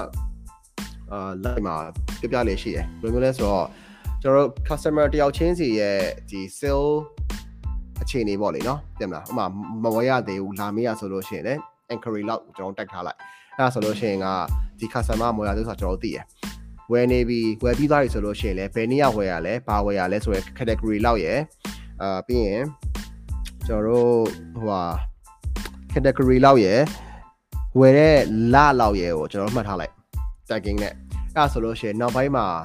ကျွန်တော်တို့ follow up sales တွေလုပ်ရတာအများကြီးပို့ပို့လွယ်တယ် right ဆိုတော့ကြတော့ အဲ့ဒီနီးနဲ့အာကျွန်တော်တို့ပြန်ရှာလို့ရရနိုင်ပါတယ်ဘာလို့အခုကမေးအခုကဘာလို့နာမည်နဲ့ရှာလို့မရကျွန်တော်မသိ Okay ကျွန်တော်နောက်တစ်ခုမေးထားတာမမြတန်တာအောင်မေးထားတာပါအဲ့တော့မမြတန်တာအောင်ဗာမေးထားလဲဆိုတော့ sorry အာ audience ချင်းဆိုင်မှာတဲ့အရေးလို့မဟုတ်တော့လေတဲ့ကို page မှာရှိတဲ့ audience တွေဘာတွေစိတ်ဝင်စားလဲ interest တွေကိုဘယ်လိုစစ်လို့ရလဲတဲ့ potential audience မှာဘာတွေစိတ်ဝင်စားလဲစစ်လိုက်တိုင်း BBC ပစ္စည်းမဒါတွေပဲပေါ်နေရအဲ့ဒါကောမှန်ရလားပြောပြောပေးပါဦးကိုပဲဆိုတော့ကျွန်တော်တို့လည်းပြောရရင်အဲ့ဒီဟာနည်းနည်းတိုက်ပတ်ပါတယ်ဘာလို့လဲဆိုတော့ audience insight ကအရင်တော့ကျွန်တော်တို့ကဟို page တွေကို like ကြည့်လို့ရတာဟုတ်အခုကျတော့အဲ့လိုမျိုးမရတော့ဘဲနဲ့ဒီ potential audience မှာပဲကျွန်တော်တို့မြင်ရတာဆိုတော့ဒါပေမဲ့လည်းအဲ့ဒီဟာက Facebook အနေနဲ့ပြောင်းသွားတဲ့ဘယ်လို complaint เนาะပြောင်းသွားတဲ့ policy တခုဖြစ်နေတာဆိုတော့ကျွန်တော်ကျွန်တော်လည်း complaint တက်လို့မရဘူး အဲ့တော့မှန်တယ်လို့ပြောရမှာပဲဘာလို့လဲဆိုတော့လက်ရှိအချိန်ဒီနိုင်ငံရေးအခြေအနေအရလူတွေက BBBC နဲ့မစ္စည်းမကိုဟို CFS လောက်ထားပြီးတော့ကိုလိုက်ကြည့်နေတဲ့သူတွေကျွန်တော်တို့များပါတယ်ဆိုတော့ကြတော့ဟိုလူအားလုံးဒီပါမှာဒီ page နှစ်ခုကပေါ်နိုင်ပါတယ်ဆိုတော့မှန်တယ်လို့ပဲပြောရမှာပါအဲ့တော့ကျွန်တော်ဒီဟာတော့ဘလို့မှကျွန်တော်တို့ဟိုဘယ်လိုခေါ်မလဲစစ်လို့မရဘူးပေါ့လေ အဲ့တော့ကျွန်တော်တို့ဗာအကြံပေးကြလဲဆိုတော့အဲ့ဒီနီးနဲ့သွားမဲ့အစားဟို interest နဲ့သွားမဲ့အစားကျွန်တော်တို့ page ရဲ့ fans တွေကို look alike audience နဲ့ run မယ်ဆိုလို့ရှိရင်ကနည်းနည်းလေးပို့ပြီးတော့အာအဆင်ပြေနိုင်မယ်လို့ကျွန်တော်ထင်ပါတယ်အဲ့ဒီဟာနဲ့တစ်ချက်လေးစမ်းကြည့်ပါလိမ့်နော်ကိုဆိုးခတ်မိထားတာကအကိုရေးတဲ့စေးကုမ္ပဏီရဲ့အတွက်ပို့ပြီးတော့ impression အပိုင်းနဲ့ branding အပိုင်းအတွက်ဘယ်လိုနည်းလမ်းတွေသုံးလို့ရမလဲတဲ့လက်ရှိကကျွန်တော်စေးပညာနဲ့ပတ်သက်တဲ့ဗဟုသုတတွေကို knowledge sharing product knowledge မျိုးနဲ့သွားထားပေမဲ့ branding ဘိုင်းသွားရတာမျိုးကတော့ဘယ်လိုမျိုးနည်းလမ်းကပို့ပြီးထိရောက်ဖို့ဖြစ်နိုင်မလဲတဲ့ right branding ဘိုင်းဆိုတဲ့နေရာမှာလေကျွန်တော်ဒီမှာနည်းနည်းလေးတစ်ခုသိကြချင်တာက branding လို့ပြောရဲဆိုလို့ရှိရင်ဘယ်လိုမျိုး positioning ကိုယူမှာလဲပေါ့နော်အဲ့ဒီဟာအများကြီးအရေးကြီးအောင်ဘာလို့ branding branding ဆိုပြီးတော့လူတိုင်းသိတာ branding မဟုတ်ဘူးလေဟုတ်လားမလားဘာလို့လူတိုင်းကဟိုသူတို့ လူတိုင်းသိတယ်ဆိုတဲ့ဟာက branding မဟုတ်ဘူးရယ် branding ဆိုတာဗျဥမာ LS ခိုင်ကို marketing သမားတယောက်အနေနဲ့သိတာ branding ဟို LS ခိုင်ကို creator တယောက်အနေနဲ့သိတာက general အရင်ဆန်သွားတယ်အဲ့တော့ကျွန်တော်တို့ဒီ general ဆန်နဲ့ဘယ်လိုခေါ်မလဲလူတွေဒီအရန် general ဆန်သွားရဆိုလို့ရှိရင်မိမိပြပြပြဖြစ်တာပို့ပြီးတော့များတယ်ဆိုတော့ကြတော့အရန် general ဆန်လာတဲ့ဆိုလို့ရှိရင်ကျွန်တော်တို့ကဘယ်ဘက်ကို position ယူမှာလဲပေါ့ ဥပမာဥပမာ Nike ကိုဖက်နဲ့တရန်လိုပဲကျွန်တော်တို့ဟိုတွားရဆိုဆိုကြပါစို့ရဲ့အဲ့တော့ဖက်နဲ့ဖက်နဲ့ဖက်နဲ့ဆိုတာဖက်နဲ့တရားအများကြီးပဲဥပမာ Nike တို့ Puma တို့ Adidas တို့ right အဲ့တော့ဖက်နဲ့တရားအများကြီးပဲဆိုတော့ကျတော့ကျွန်တော်တို့ကဖက်နဲ့တရန်ဆိုတာထက်ပေါ်မှာသူတို့ဒီ achievers တွေအတွက် just do it ဆိုတော့အာ positioning တစ်ခုကိုသူကယူလိုက်တာ right အဲ့တော့ achievers တွေဆိုတဲ့ဟာကိုဖြစ်သွားတယ်အဲ့တော့ achievers တွေဖြစ်ချင်တယ်ဆိုလို့ရှိရင်တကယ်ဟို top ပညာတတ်တတ်ကတွေကအာဥမာ basketball သမားတွေဘာညာတွေကနေပြီးတော့ဟိုကြော်ညာရဲဆိုလို့ရှိရင်သူတို့ basketball ဆော့ရဲဆိုလို့ရှိရင် Nike နဲ့ဟို Nike နဲ့ကျွန်တော်ဆော့ကြတာဆိုတော့ကျတော့အဲ့လိုမျိုး branding မျိုးကျွန်တော်ပို့ပြီးသွားတယ်ဟို Puma တို့ဘာတို့ကြတော့အခု Adidas ဆိုလို့ရှိရင်ကျွန်တော်သိသလောက်ကသူတို့ကဒီ sport ထက်ဆိုလို့ရှိရင်ဒီဘယ်လိုခေါ်မလဲ outer wear ပေါ့နော်ကျွန်တော်တို့အပြင်သွားတဲ့ casual wear ဘက်ကိုသွားတာပို့ပြီးတော့များတယ်ဟို smart and styles ဘက်ကိုပို့ပြီးသွားတာများတာဆိုတော့ကျွန်တော်အဲ့ဘက်ကိုသွားတယ်ဥပမာကျွန်တော်ဒီ Timberland ဆိုလို့ရှိရင်လည်းသူတို့သွားတဲ့ proposal အများစုကကျွန်တော်မြင်တဲ့ proposal တွေက like အာနည်းနည်းလေးအကြမ်းပဒန်းခံတယ်နည်းနည်းလေး cool ဖြစ်တယ်တဲ့မှာဟို raggedy ဖြစ်တယ်ပေါ့နည်းနည်းလေးအကြမ်းပဒန်းခံတယ်ဆိုတဲ့ဘက်ကိုသွားတာများတာဆိုတော့အဲ့တော့ကိုသွားချင်တဲ့ဒီ positioning တစ်ခုကိုအရင်ဆုံးသတ်မှတ်ရပါလိမ့်မယ်ကို brand ရဲ့ positioning တစ်ခုပေါ့လေအဲ့တော့အဲ့ brand ရဲ့ positioning ကိုမူတည်ပြီးတော့မှာပဲကျွန်တော်တို့က ဘာကိုပြန်စဉ်းစားရလဲဆိုတော့ဒီ marketing mix ပေါ့နော်ပြောမယ်ဆိုလို့ရှိရင်ကျွန်တော်ဘယ် channel တွေမှာဘယ်လိုမျိုး content တွေကျွန်တော်ပြမလဲပေါ့ဘာလို့ဆိုဟိုကိုကိုရဲ့ဒီ page ပေါ်ကနေပြီးတော့ပဲတင်မလားဒီ brand ကစောင်းမိုက်တယ်ဒီ brand ကတင်မလားလောကစေးပညာနဲ့စေးအကြောင်းတွေတင်နေဆိုလို့ရှိရင်ကဟိုကိုကစေးဘက်ဆိုင်ရာ expert အနေနဲ့ ဟိုလှုပ်ချင်တော့ညာလဲပဲအရန် general ဆန်သွားရဆိုလို့ရှိရင်ကစေးမှာဗျအများကြီးရှိရ right ကျွန်တော်စေးမှာဆိုလို့ရှိရင်ဒီကျမကြီးဒါမှမဟုတ်လို့ရှိရင် RC ဒါမှမဟုတ်လို့ရှိရင်ကျွန်တော်ဟို probiotic ဟို probiotic drugs อ่ะကျွန်တော်ပြောရတော့ကျွန်တော်ဆေးနဲ့ပတ်သက်လိုက်မမမသိရအဲ့တော့အဲ့အဲ့ဒီဆေးရရှိရပြီးတော့ကျွန်တော် OTC ရရှိရ right ပြီးတော့ကြကြမိုင်းနဲ့ညီအောင်ဘလို့နေရမဘလို့နေနေထိုင်စားတော့မယ်ဆိုတဲ့ဟာရရှိရအဲ့တော့နည်းနည်းလေး generalist generalist ဖြစ်မဲ့ဟာမျိုးနဲ့ရေဘူးကဆန်တဲ့ဟာမျိုးနဲ့စားလို့ရှိကျွန်တော်နည်းနည်းပို့ပြီးတော့ဟို niche ကိုသွားစေချင်တယ်အဲ့တော့အဲ့ niche ကိုသွားပြီးတော့မှကျွန်တော်ထက်ထက်ပြီးထည့်သွားတာကိုတက်ပို့ပြီးတော့ဟိုအကျိုးရှိစေမယ်လို့ကျွန်တော်ရှုံးပါတယ်ဘာလို့လဲဆိုတော့ဟို LS ခိုင်ဒီဒီ business person တက်စားလို့ရှင်ကျွန်တော်ကိုကျွန်တော်အရင်တော့ကလေးက marketer တယောက်အနေနဲ့ပဲကျွန်တော် position ဆက်ဆက်လုပ်ခဲ့ပေါ့လေကျွန်တော်အခုမှတဖြည်းဖြည်းကျွန်တော် develop agency ထောင်ပြီးတော့မှပဲကျွန်တော်ဒီဘက် business ဘက်ကိုကျွန်တော်ပြန်ပြန်ပြီးကူးနေရဆိုတော့ကြတော့ဟိုကျွန်တော် marketing မှာကျွန်တော်ကိုတည်သွားရဆိုလို့ရှိရင်ကျန်တဲ့ဒီ business person တွေနဲ့တည်အောင်ကျွန်တော် business network ကိုပြန်ပြန်ချက်ချက်ချက်ချက်ရပေါ့အဲ့တော့အခုဒီ brand တွေကိုလည်းဟိုကျွန်တော်တို့ Facebook page မှာဘယ်လိုမျိုး positioning မျိုးနဲ့သွားမှာလဲပြီးလို့ရှိရင်ကျွန်တော်တို့ OM page ပေါ့လေနော်ပြီးတော့ကျွန်တော်ဒီ KOL တွေ ဒီ KOL တွေမှာလည်းဒီ doctor တွေနဲ့ doctor KOL နေနဲ့ပဲကျွန်တော်ပြမှာလားဒါမှမဟုတ်လို့ရှိရင် travel KOL တွေနဲ့ကျွန်တော်ပြပြမှာလားဒါမှမဟုတ်လို့ရှိရင်ကျွန်တော်အစားအသောက် KOL ဆိုတော့ကျွန်တော်ပြမှာလားဘယ်လိုမျိုး KOL ဆိုနဲ့ကကျွန်တော်ရဲ့ position အတွက်ကိုအာ brand နေရာယူမှုလေးပေါ့လေနော် brand positioning အတွက်ကိုဟိုရောက်စေမလဲဆိုတဲ့ဟာမျိုးလေးကိုကျွန်တော်စဉ်းစားပြီးတော့မှပဲဒါ အဲ့ဒီနေရာနေကျွန်တော်စစေချင်ပါတယ်အဲ့တော့အဲ့ဒီနေရာကျွန်တော်စပြီးဆိုလို့ရှိရင်တော့အဲ့ဒီနေရာလေးတစ်ခုကိုကျွန်တော် own လုပ်ပါအဲ့တော့အဲ့ own လုပ်ပြီးတော့မှပဲကျန်တဲ့ကျန်တဲ့ကျန်တဲ့ဟာတွေကျွန်တော်ဆက်ဆက်ပြီးတော့ချက်ပါမယ်ဆိုလို့ရှိရင်တော့ဒါဟိုကိုအုပ်စိုးခန့်ဖြစ်ချင်တဲ့ branding level တစ်ခုကိုပို့ပြီးတော့ရောက်နိုင်မယ်လို့ကျွန်တော်ထင်ပါတယ်။ဘာလို့ဆိုတော့စကလေးကလေကျွန်တော်ပြောတာဟိုလူတိုင်းအတွက်ဆိုတဲ့ဟာက good position မဟုတ်ဘူး right Coca-Cola တော့မှလူတိုင်းတော့ကိုမရအောင် ပြောရရင် Coca-Cola ဒီသူသွားသူသွားနေတဲ့ဟာဒီ happiness ဆိုတဲ့ brand position တစ်ခုကိုသူကယူလိုက်တာပြီးတော့လူငယ်တွေသူ့ရဲ့ကြော်ညာကြီးကြည့်ရဆိုလို့ရှိရင်လူငယ်တွေများတယ်လူကြီးတွေတော်တော်ယုံနေတာအရန်လူ like ကျွန်တော်မြင်တာမြန်မာပြည်မှာသူတို့ထည့်ဆိုလို့ရှိရင်အသက်3 4 50လောက်ပဲသူထည့်ရများတယ် right အဲ့တော့လူငယ်တွေကိုသူတို့ရဲ့နိုင်ငံတကာကြော်ညာကြည့်ရဆိုလို့ရှိရင်ဗျာသူတို့တကမ္ဘာလုံးကိုဖြန့်ကြော်ညာကြည့်ရဆိုလို့ရှိရင်က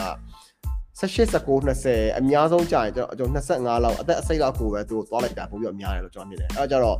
လူငယ်ဘက်ကိုပို့ပြီးတော့ဦးစားပေးပေးတယ်ပေါ့နော်ပြီးလို့ရှိရင်သူက happiness ဒီကြော်ညာထဲမှာမြင်တဲ့သူတွေအကုန်လုံးကကိုကကိုလာရောက်လာပြီဆိုလို့ရှိရင်ပျော်သွားတယ်ဆိုတော့ hype ဖြစ်သွားတယ်ဆိုတဲ့ဘက်ကိုသူကသွားလိုက်တာဆိုတော့ကြတော့အနေနဲ့လေးပို့ပြီးတော့အာ generalist မဆန်တော့ဘဲနဲ့ဒီ niche market ကျွန်တော်တို့ပို့ပြီးတော့ရောက်သွားတယ်။ Coca-Cola လိုမျိုးရေထဲကိုတရားထည့်ပြီးရောင်းနေတဲ့ brand တစ်ခုလိုမျိုးတော့မှဒါ positioning ကောင်းကောင်းလုပ်နိုင်တယ်ဆိုလို့ရှိရင်ကကျွန်တော်တို့အခုဈေးကုန်တွေဆိုလို့ရှိရင်ပို့ပြီးတော့ positioning တစ်ခုနဲ့ကျွန်တော်တို့သွားတင်တာပေါ့လေနော်အဲ့တော့စကြည့်ပါ Coca-Cola ကကျွန်တော်အကြိုက်ဆုံး marketing brand ထဲမှာပါတယ်အရင်တော့ကြာတာ Coca-Cola ရဲ့ကြော်ညာတွေကိုအာမအေးမြတ်မော်မေးထားတာခုနကိုတယောက်မေးထားသလိုပဲတဲ့ဗီဒီယိုနဲ့ပတ်သက်ပြီးပတ်သက်တာလေးပါဗီဒီယိုကို boost လုပ်ရင် view များချင်တာမလို့ reach campaign ရွေးရင်ကော effective ဖြစ်နိုင်မလားရှင်တဲ့ အာ engagement နဲ့လည်းတုံးတာ view တော့ရပေမဲ့ reach ကိုရွေးရင်ကောအဆင်ပြေနိုင်မလားသိသိချင်တာပါတဲ့ okay another quick questions video view လို့ချင်း video view နဲ့ boost ပါဟို reach ကဘာဖြစ်သွားလဲဆိုတော့လေသူက maximum reach ကိုသူကလုပ်ပေးတာအဲ့တော့လူအများကြီးစီရောက်သွားအောင်သူ့ဘက်ကနေတိုးမေးလိုက်မယ် Facebook ကဘက်ကနေပြပေးလိုက်မယ်ဒါပေမဲ့အဲ့ဒီဟာဒီမှကျွန်တော်ဒါပါတော့ Facebook ရဲ့ engagement ဆိုတဲ့ဟာမျိုးကိုကျွန်တော်တို့က boost လုပ်ရတယ်ဆိုလို့ရှိရင် ဘာဖြစ်သွားလဲဆိုတော့ဒီ video ဒီ context ပေါ့နော်ကျွန်တော် video မှာပြထားတဲ့အကြောင်းအရာတွေနဲ့ပတ်သက်ပြီးတော့အာအရင်တော့တခြားသော video တွေမှာ engage လုပ်နေတဲ့သူတွေရှိတယ်။အဲ့ဒီလူတွေကို Facebook ကဦးစားပေးပြပေးတယ်။ video view လည်းအဲ့လိုပဲ။ဟိုကျွန်တော်တို့ video နဲ့တူတဲ့တခြားသော video တွေရှိတယ်။အဲ့ဒီ video တွေကိုကြည့်နေတဲ့သူတွေကို Facebook ကနေပြီးတော့အရင်ဆုံးပြပေးတယ်။အဲ့တော့ကျွန်တော်တို့ရဲ့ video ကိုပို့ပြီးတော့ကြည့်နိုင်တယ်။ အဲ့လိုမဟုတ်ဘဲနဲ့ reach နဲ့သွားရတယ်ဆိုလို့ရှိရင်ဘာဖြစ်သွားလဲဆိုတော့ Facebook တွေကျွန်တော်တို့ targeting ဆက်မှာဒီစေးကုမ္ပဏီထားမဟုတ်ကားကုမ္ပဏီပေါ့နော် example ခုနကျွန်တော်ပြောသလိုအဲ့ဒါမျိုးကိုကျွန်တော်တို့ကသွားလိုက်မိရဆိုလို့ရှိရင်ကဟိုဘလောက်ဘယ်လိုခေါ်မလဲခုနပြောသလိုမျိုးအဲ့ဒီ video တွေကိုကြည်ပူးတဲ့သူတွေပဲမဟုတ်တော့ဘဲနဲ့အဲ့ဒီကား interest ဘလောက်နဲ့နည်းနည်းဟိုကား post တ post ကိုမြင်ပြီးတော့ like တစ်ချက် post တွေတိတ်တဲ့ TV ရှိရတာပါ one post ကို like တစ်ချက်နှိပ်လိုက်လို့ ဟိုသူ့အနေနဲ့ဒီကားကိုစိတ်ဝင်စားပါဆိုပြီးတော့ register ဖြစ်သွားရဆိုလို့ရှိရင်က Facebook ကအဲ့လိုတော့ပြပါပဲဒါပေမဲ့အဲ့ဒီလူဒီကားကိုတကယ်စိတ်ဝင်စားခြင်းမှာစိတ်ဝင်စားလိမ့်မယ်အဲ့ဒီစီးကိုတကယ်စိတ်ဝင်စားခြင်းမှာစိတ်ဝင်စားလိမ့်မယ်ဆိုတော့ကျတော့ကျွန်တော်အနေနဲ့တော့အကြံပေးချင်တာက video view လို့ရတယ်ဆိုလို့ရှိရင်တော့ video view နဲ့သွားတာပိုပြီးကောက်ပါတယ်ဟိုအထက်စားလို့ရှိရင် reach သွားစားလို့ရှိရင်ဒါပေမဲ့ reach ကတော့ဘယ်နေရာမှာကျွန်တော်သွားပြီးတော့အာအကျိုးပြုလဲဆိုတော့ကျွန်တော်တို့ရဲ့ brand awareness တက်ချင်တယ် video view အသက်ရေးမကြည့်ဘူးကျွန်တော်တို့ brand ကိုလူများများစီရအောင်ပို့ချင်တယ်ဆိုလို့ရှိရင်တော့ဒါ reach ကတော့အများကြီးအဆင်ပြေတယ်ဒါပေမဲ့ reach ရဲ့ backfire ပေါ့လေကျွန်တော်မကောင်းတာလေးတစ်ခုပါရှိနိုင်လဲဆိုတော့ Facebook ရဲ့ဒီဘယ်လိုခေါ်မလဲ news page page ပါပေါ့နော်ကျွန်တော်တို့ကျွန်တော်တို့ရဲ့ page မှာကျွန်တော်တို့က timeline post တစ်ခုကို reach နဲ့ပို့ဆိုရတယ်ဆိုလို့ရှိရင်ကနောက်ပိုင်းအဲ post တွေအနေနဲ့နည်းနည်းလေးအနေရများတယ်ဟုတ်လဲဆိုတော့ Facebook က reach တွေအများများပြီးတော့ engagement မရှိဘူးဆိုလို့ရှိရင်နောက်ပိုင်း post ဒီ page ကိုလူစိတ်မဝင်စားဘူးဆိုပြီးတော့ post reach ကို short chart တက်လေးရှိပါတယ်ဆိုတော့ကြတော့ဟိုကျွန်တော်တို့ကဒီ reach ကိုသွားရဲဆိုလို့ရှိရင်က timeline post ဆက်ဆိုလို့ရှိရင်ကျွန်တော်တို့က dark post တွေနဲ့သွားတဲ့ပုံစံမျိုးလုပ်တာပုံများပါတယ်အဲ့တော့ဒါကတော့ကျွန်တော်အကြံပေးတာပါ Okay အဲ့တော့ Kevin YouTube မှာမေးထားတာက Facebook Pixel နဲ့တဲ့ conversion API ကဘာကွာတာလဲတဲ့ article လည်းဖတ်ပေမဲ့တစ်ခါမှမမချိတ်ဘူးသေးတော့နားမလည်လို့ပါကိုတဲ့ conversion API ကဘယ်လိုချိတ်ပြီးတော့ဘာကို track တာလဲတဲ့ Okay ကျွန်တော်နားလည်တော့ကျွန်တော်ပြပြပြပြပါမယ်ကျွန်တော်လည်း Facebook Pixel ပဲချိန်ဘူးတာကျွန်တော် conversion API ကိုတစ်ခါမှမချိန်ဘူးအဲ့တော့ Facebook Pixel ဒီအာတော့ဘာကို track တာလဲဆိုတော့ကျွန်တော်အဓိကက ကျွန်တော်တို့ရဲ့ Facebook ပေါ်မှာ link ဟဟိုလေးရှိရလေဟို link click လေးလုပ်ရဟာရှိရလေကျွန်တော် traffic ဆိုတဲ့ ads boost လုပ်လို့ရတယ်ဒါမှမဟုတ် link ထည့်ရလို့ရတယ် right အဲ့လိုပဲကျွန်တော်တို့ Facebook မှာမဟုတ်ပါဘူးတခြားသောနေရာတွေကနေပြီးတော့ဥပမာကျွန်တော် Google search ပဲဖြစ်ဖြစ် YouTube ပဲဖြစ်ဖြစ်ဖြစ်ဒါမှမဟုတ် Instagram bio မှာပဲဖြစ်ဖြစ် TikTok bio မှာပဲဖြစ်ဖြစ်ဖြစ်ကျွန်တော်သွားပြီးတော့ link တွေထည့်ရဆိုလို့ရှိရင်ကလူတွေကကျွန်တော်တို့ရဲ့ page ကိုရောက်သွားကျွန်တော်တို့ရဲ့ website ကိုရောက်သွားတယ် ကျွန်တော်တို့ရဲ့ website ကိုရောက်သွားတဲ့နေရာကိုကျွန်တော်က landing page ကိုခေါ်တယ်အဲ့ဒီ landing page ကနေပြီးတော့မှကျွန်တော်တို့လူတွေကဗျာတင်မှာ like မှုရယ် like လျှောက်ကြည့်ရယ်ပေါ့လေကျွန်တော်တို့ရဲ့ website ထဲမှာအဲ့တော့ Facebook pixel ကအဲ့ဒီလူတွေရဲ့ကြည့်တဲ့ဟာကို like မှတ်ထားတယ်ပြီးရင်သူကနေပြီးတော့မှဒီနောက်ဆုံးဘယ်ထိရောက်သွားလဲဆိုတဲ့ဟာမျိုးထိသူတို့မှတ်ထားတာပေါ့လေအဲ့တော့အဲ့ဒီဟာက Facebook pixel ကဘယ် website ကိုဖွင့်ကြည့်လဲဆိုတဲ့ဟာလောက်ပဲမှတ်ထားတာပါ web page ပေါ့လေ ဘယ် web page ကိုဖွင့်ကြည့်လဲဆိုတဲ့ဟာလည်းမှတ်ထားတာဥပမာကျွန်တော်တို့ landing page home page ပေါ့နော် home page တစ်ခုရှိမယ်ပြီးတူတူတရကျွန်တော်ရဲ့ product page ကိုတော်တော်ကြည့်ရ okay ဒီအရေးလေးလေးစိတ်ဝင်စား like like ဖက်ကြည့်ရစာဖက်ကြည့်ရပြီးလို့ရှိရင် buy now ကိုနှိပ်လိုက်တယ်ကျွန်တော်တို့ရဲ့ e-commerce ရောက်သွားတယ် e-commerce မှာကျွန်တော်တို့ add to cart လုပ်တယ်ပြီးလို့ရှိရင်စရင်ငွေရှင်းတယ်ပြီးရင် thank you page ပေါ်လာတယ်အဲ့တော့အဆင့်6ဆင့်ရှိတယ်အဲ့တော့အဆင့်အဆင့်6ဆင့်ကို Facebook page နဲ့မှတ်သွားတယ် Facebook page ရဲ့အလုပ်ကအဲ့ဒါပဲ conversion API ကကြတော့ကျွန်တော်သိသလောက်ပြပြပြရဆိုလို့ရှိရင် conversion API ကဘာလို့ပေးလဲဆိုတော့ကျွန်တော်ခုနကတော့ဈေးဝယ်လိုက်တဲ့အဆင့်မှာကျွန်တော်ဘသူတွေကဘလောက်ဖိုးတွေဝယ်လဲဘာ product တွေဝယ်လဲဆိုတော့ဒီ data ကအစကျွန်တော် Facebook ကနေပြီးတော့နှိုက်ပေးနိုင်ပါတယ်ဆိုတော့ကျွန်တော်နှိုက်ပေးနိုင်တယ်ဆိုတော့ဗျာ Facebook ကနေတင်ပေးထားတယ်အဲ့တော့ကျွန်တော်ဘာရလဲဆိုတော့ consumer customer lifetime value ပေါ့လေ CLTV CLTV တွက်တယ်ဆိုလို့ရှိရင်ကျွန်တော်တို့ကဒီလူတစ်ယောက်အနေနဲ့ အာ CLTV မှာဘယ်လိုတွေ့ရလဲဆိုတော့ကျွန်တော် sorry sorry မိကုန်ပြီ CLTV မှာသူသူ့ရဲ့အသက်အရွယ်ရယ်ပြီးလို့ရှိရင်သူ့ရဲ့ဝယ်သွားတဲ့ဟာရယ်ပြီးလို့ရှိရင်သူ့ရဲ့ဒီတက်တက်လုံးမှာဘယ်လောက်ထိထပ်ပြီးတော့ဝယ်နိုင်လဲဆိုတဲ့ဟာရယ်အဲ့တော့အဲ့ဒီဟာကိုကျွန်တော်တွက်ယူရတယ်အဲ့တော့ Facebook ကနေပြီးတော့အဲ့ဒီ CLTV ကိုအလိုလျောက်တွက်ပေးနိုင်ပါတယ်ဒီ conversion API ချိန်ထားတယ်ဆိုလို့ရှိရင်ဘယ်လိုချိန်လဲဆိုတော့ဒါ technical အရာက YouTube မှာချိန်ချိန်ဖို့ချိန်ကြီးအများကြီးရှိပါတယ် YouTube ကနေပြီးတော့ပဲကြည်ပါဒါပေမဲ့ tracking လုပ်တဲ့ပုံစံကတော့ကျွန်တော်ဆော့ဆော့ပြောတဲ့ဒီဘယ် product ကိုဘယ်လောက်နဲ့ဝယ်သွားတယ်ဆိုတော့ပုံစံမျိုးကအထိ Facebook ကနေပြီးတော့ track ပေးလို့ရပါတယ်အဲ့တော့ပို့ပြီးတော့တိကျတဲ့ data တစ်ခုရတာပေါ့နော်အဲ့ဒါပါ pixel ကကြတော့တိတ်ပြီးတော့မတိကျဘူးသူက track ပေးတယ်လူတွေဘယ် web page ကိုသွားကြည့်လဲဆိုတဲ့ဟာလောက်ပဲ track ပေးရဒါပေမဲ့အာ ဘာတွေဝယ်သွားရလဲဘာလိုက်ကြလဲဆိုတာထက်ဘယ် page ကိုကြည့်ရလဲဆိုတာမျိုးဖတ်သားတယ် conversion API ကကြတော့ဘယ် product ကိုဟိုဝယ်သွားတာလဲ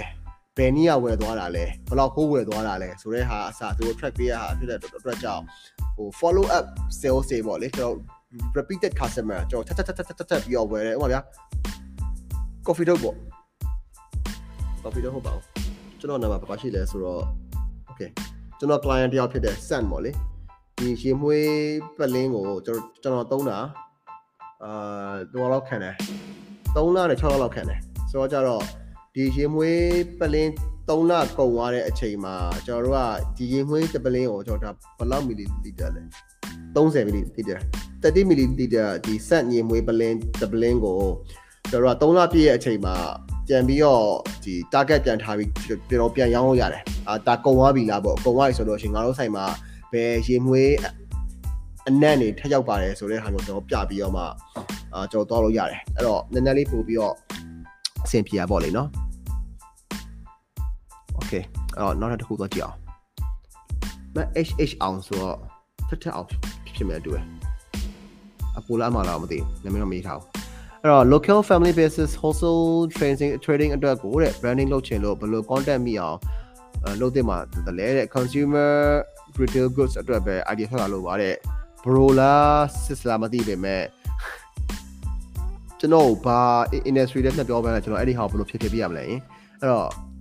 ကျွန်တော်နည်းနည်းလေးတိတိကျကျလေးမေးပေးပါအဲ့ဒါဆိုလို့ရှိရင်ကျွန်တော်စဉ်းစားပေးလို့အဆင်ပြေပြနိုင်ပါတယ်ဗျအခုလိုမျိုးကြီး wholesale trading ဆိုတာလေကျွန်တော်တို့အက်ကအစားဒုံးမြန်ထိရောင်းလို့ရတယ် family business အဲ့လိုပဲအက်ကအစားဒုံးမြန်ထိရောင်းလို့ရတယ်ဆိုတော့ကျွန်တော်ဒုံးမြန်ရောင်းနေတာလားအဲ့ရောင်းနေတာလားကျွန်တော်မသိဘူးအဲ့တော့ အဲ့တော့ကျွန်တော်နည်းနည်းလေးနားလည်အောင်ဟိုအသေးစိတ်လေးတစ်ချက်ပြောပြပါနော်ရှိန်မြသစင်ချိုမိထားတာအဲ့တော့အာ Diamond and Jewelry ကိုတဲ့ online နဲ့ရဖို့ပါ page like 3000 4000လောက်ရှိရဲ့ page ကိုတဲ့ဝယ်ဖို့စစထားတာအဆင်ပြေနေလားရှင်တဲ့ဘယ်လို page ကိုရွေးပြီးတော့ဝယ်ဝယ်သင့်ပါတလဲအာဘယ်လိုလုပ်ရင်အဆင်ပြေနေလဲဆိုတာလေးပြပြပြပြပေးပါတဲ့ကျွန်တော်ကတော့ page ဝယ်တာတော့အမပေးဘူးရဘာလို့လဲဆိုတော့ page ဝယ်ရဆိုတာကလေနားလေဟို page ဝယ်ရဆိုတာကလေဟိုအဲ့ဒီ page ထဲမှာဘယ်သူတွေ like ထားတယ်မှန်လဲကျွန်တော်လည်းမသိဘူးဆိုတော့ကြတော့နည်းနည်းစားတယ်အဲ့ဒါအဲ့ကျွန်တော် page ဝယ်ရဆိုလို့ရှိရင်ဘက်ကို page like campaign run လိုက်တာဟိုပို့ပြီးတော့ page like campaign run လိုက်တာကနည်းနည်းပို့ပြီးတော့အာအဆင်ပြေမယ်လို့ထင်တယ် ဒါမှကိုရောက်ချင်တဲ့သူတွေစီလဲကိုပြောနေမှာဆိုတော့လေကျွန်တော်က page ဝယ်တာကြီးကိုတော်တော်ကြီးအမပေးတာဆိုတော့ဟိုအခုရောက်မှလဲဒီ diamonds and jewelry ဆိုတော့ကြတော့ဟိုဖြစ်တင်တာတော့ main ကလေးတွေအဝယ်များတဲ့ဟာမျိုးဒါပေမဲ့ main ကလေးတွေဆိုရင်တော့မှကျွန်တော်ဒီမှာနည်းနည်းလေးဖြည့်ချင်တာက like တခြား online shopping နဲ့မတူဘူးပေါ့လေနော်တခြား online shopping ဆိုတဲ့ဟာမှာကျွန်တော်တို့ဥပမာ retail like အင်ကြီးဆိုင်မှာဆိုလို့ရှိရင်က တော့ပါတော့ကျွန်တော်အင်ကြီးဆိုင်ကို3000 5000 1000ရောင်းတဲ့အင်ကြီးဆိုင်နဲ့သိန်းသိန်းကနန်းချီရဲ့အင်ကြီးဆိုင်ရှိသေးရအောင်အဲ့တော့1000နဲ့ပတ်ချတယ်တော့အင်ကြီးဆိုင်ရောင်းနေဆိုလို့ရှိရင်ဒိုင်းဝမ်ဂျီဂျိုလက်ရီကအဲ့ဒီ market ဘက်ကိုကျွန်တော်သွားနိုင်မှာလားပေါ့အဲ့တော့အဲ့ဒီဟာရအများကြီးရှိတယ်ဆိုတော့ကျွန်တော်ကတော့အဲ့လိုမျိုးမမြင်ရတဲ့ဟာတခုကိုကန်ဆယ်မဲ့ပေါက်ပြီးတော့ကျွန်တော်ဘဝချင်းဦးရယ်ဘာလို့လဲဆိုတော့ကိုကရောင်းတော့မှတင်မလားဟိုကိုဝယ်လိုက်တဲ့ page ကြီးက target fans တွေကကိုလိုချင်တဲ့ target audience မဟုတ်ဘူးဆိုလို့ရှိရင်အဲ့မှာပိုပြီးကောင်းကြရတယ်ပြီးတော့ဟိုအိုရောရော stock ရောဖြစ်သွားဖြစ်သွားမအောင်ကျွန်တော်စိုးရိမ်တာ哦အဲ့တော့ကောင်းတာကတော့အာကိုကကို campaign တွေလုပ်ပြီးတော့မှဒီဟာတွေကျွန်တော်တို့ပူးဆုပ်တာပို့ပြီးတော့အဆင်ပြေပြေပြင်နိုင်မယ်နဲ့တူတယ်ပြီးတော့ကိုတော်စအောင်မေးထားတာအာတခြား page တစ်ခုကလွှင့်နေတဲ့ live ကိုတဲ့ cross post လုပ်ဖို့အတွက်နောက်ထပ် page ကခွင့်ပြုချက်လိုအပ်သလားခင်ဗျာတဲ့ follower လေးသိန်းနီးပါးရှိတဲ့ page တစ်ခု community standards violation များတယ်ဆိုပြီးတော့ unpublish လောက်ခံထားရတာပြန်ရနိုင်ခြင်းများရှိမလားတဲ့ဘာလို့ဖို့လို့မလဲတဲ့ fancy ကိုအပူကြီးတောင်းထားလို့ good review တစ်ထောင်လောက်တော့မကြခဲ့ရလိုက်ပါတယ်ခင်ဗျကျေးဇူးပါတယ်ဆိုတော့အာတခြား okay ပထမမေးဖို့မမေးထားတာတခြား page တစ်ခုကလွှင့်နေတဲ့ live ကို cross post လုပ်ဖို့အတွက်တခြား page ကခွင့်ပြုချက်လိုလားဆိုတော့လိုအပ်ပါတယ်ဆိုတော့ cross proposing စီအကုန်လုံးကနှစ်ဖက်လုံးကကျွန်တော်ခွင့်ပြုရဆိုတော့မှပဲ ဒါ cross post လုပ်လို့ရပါမဟုတ်ရင်လုပ်လို့မရပါဘူးအာပြီးရင် follower ၄သိန်းလောက်ရှိရတဲ့ page တစ်ခု community standard violation များတယ်ဆိုပြီးတော့ unpublish လုပ်ခံရတာဆိုတော့ကျွန်တော်တန်ငယ်ချင်း page တစ်ခုဆိုနှစ်နှစ်ရှိပါပြီပြန်မရပါဘူးဆိုတော့ပြန်ရနိုင်ခြေရှိမလားဆိုတော့ကျွန်တော်လည်းပြောရရင်မသိပါဘူးဟုတ်လဲဆိုတော့ဒါ Facebook ကနောက်ဆုံးခွင့်ပြုမှပဲပြန်ရတာဆိုတော့ကြတော့ဟို Facebook ကိုမေးကြည့်ရတော့ပိုပြီးကောင်းကောင်းနိုင်ပါလိမ့်မယ် ဒါပေမဲ့လည်းဟိုမေးကြည့်ရဆိုလို့ရှိရင်လည်းပြန်မရဘူးလို့သူတို့ပြောနိုင်ကြများပါတယ်အဲ့တော့မပြောတတ်ပါဘူး Okay အာဂျန်နာပြောပြောထားတာ Office Manager Message Search ကတဲ့ PC laptop နဲ့ဆိုလို့ရှိရင်ရှာလို့ရတယ်တဲ့အဲ့တော့ဆော့ဆော့ကနာမည်ရှာတာအခက်အခဲရှိရဆိုလို့ရှိရင်အာအဲ့ခါနဲ့ချက်ကြည့်ပါ Okay အာ HH အောင်ပြောထားတာ sorry ကိုတဲ့ industry ကတကြားတို့စားတို့စားတော့ကုန်ချမ်းပုံစံမျိုးပါဆိုတော့ okay အဲ့တော့စားတော့ကုန်ချမ်းပုံစံမျိုးကိုမှစောစောကမေးထားတဲ့ဟာလေးကျွန်တော်တစ်ချက်ဖတ်ကြည့်လိုက်အောင်မယ်အာ logo family basis wholesale trading အတွက်ကို branding လုပ်ချင်တာဆိုတော့တကြားတို့စားတို့ဆိုတဲ့နေရာမှာလေကျွန်တော်တို့ကအာဘယ်လိုခေါ်မလဲကျွန်တော်တို့ရဲ့ target audience က ကုန်ချမ်းပစ္စည်းမျိုးဆိုတော့စားတောက်ဆိုင်တွေကိုရောက်မှလာပေါ့လေနော်အဲ့တော့စားတောက်ဆိုင်တွေကိုရောက်တော့မယ်ဆိုလို့ရှိရင်ကစားတောက်ဆိုင်တွေရဲ့ aware တော်တွေရှိတယ်ဟိုဒါကျွန်တော် Unilever ရဲ့ Knorr ဟုတ်ပါဘူး Unilever Food Solution တခုကိုကျွန်တော်လွန်ခဲ့တဲ့2014လောက်တုန်းက2014 15လောက်တုန်းကကျွန်တော် agency တခုမှာလုပ်တုန်းကလုပ်ပေးဖြစ်တာပေါ့လေအဲ့တော့သိရတဲ့ဟာမျိုးပေါ့ အဲ့တော့သိရတဲ့ဟာမျိုးမှာကျွန်တော်ဗာသိရလဲဆိုတော့အဲ့ဒီစားသောက်ဆိုင်တွေမှာကျွန်တော်ချက်တဲ့သူတွေရယ်ဝယ်တဲ့သူတွေရယ်တချို့ဆိုင်တွေကြတော့ဟို chef head chef ပေါ့နော်ကျွန်တော်တို့ support ဘုကိုရီကနေပြီးတော့ထွက်ဝယ်တဲ့ဟာတွေရှိသလိုချို့ဆိုင်တွေကြတော့ပိုင်ရှင်ကဝယ်တယ်ချို့ဆိုင်တွေကြတော့အာဈေးဈေးလိုက်ဝယ်တဲ့အဝယ်တော်တွေရှိရယ်ဆိုတော့ဟိုကျွန်တော်တို့ကတော့ဒီစားသောက်ကုန်ပုံကုန်ချမ်းပုံစံမျိုးဆိုလို့ရှိရင်က branding ကိုသွားမယ်ဆိုလို့ရှိရင်အကောင်းဆုံးကလေ t-shirt ထုတ်ပြီးတော့ဝေးလိုက်အဲ့ဒါအကောင်းဆုံးပဲပြောမယ်ဆိုလို့ရှိရင်အဲ့တကြားနဲ့စားနဲ့ကိုယ့်ရဲ့ဟို branding တစ်စိတ်ဟိုမှာကျွန်တော်ခုကတ်ထားလို့မျိုး level up ကတ်ထားတယ်လို့မျိုးကျွန်တော်ရှင်ဘက်ဝတ်ထားတဲ့အင်ဂျီမှာကတ်ထားလို့မျိုးကတ်ပြီးတော့လေဒါမှမဟုတ်နောက်ကျောမှာအကြီးပြည့်မလားကိုယ့်ရဲ့ brand စိတ်ကြီးကိုအကြီးကတ်ပြီးတော့မှအဲ့ t-shirts ကိုကျွန်တော်ပေးလိုက်ရဆိုလို့ရှိရင်ကဘာလို့ဟိုအခြေခံလူရန်စားတော်တော်များများကအဲ့ t-shirts ဝယ်ရလေးသဘောကျတယ်ဟိုတန်ဖိုးထားတယ်ဆိုလို့ကျွန်တော်လေအဲ့ တော့တန်ဖိုးထားတယ်ဆိုတော့ကြတော့ဟိုကျွန်တော်တော့ branding campaign ရမယ်ဆိုလို့ရှိရင်ကအဲ့ t အဲ့ဒီ Facebook မှာ boost စာ boost စာပေါ့နော်ဒါပေမဲ့အာကျွန်တော်တို့ PPC ဝယ်ဆိုလို့ရှိရင်က t-shirt တွေပါလေလက်ဆောင်ထည့်ပေးလိုက်လိုက်နေတယ်ဆိုလို့ရှိရင်အများကြီးပို့ပြီးတော့ဟိုကောင်းတယ်လို့ကျွန်တော်မြင်တယ်ပြီးလို့ရှိရင်နောက်တစ်ခုကစောစောကပြောတဲ့ဒီစားသောက်ကုန်စားသောက်ဆိုင်တွေကိုကျွန်တော်တို့ဟို targeting သွားရမယ်ဆိုလို့ရှိရင်ကစားသောက်ဆိုင်တွေအနေနဲ့ဘာကိုစိတ်ဝင်စားနိုင်လဲပေါ့နော်ဥပမာသူတို့ဒီ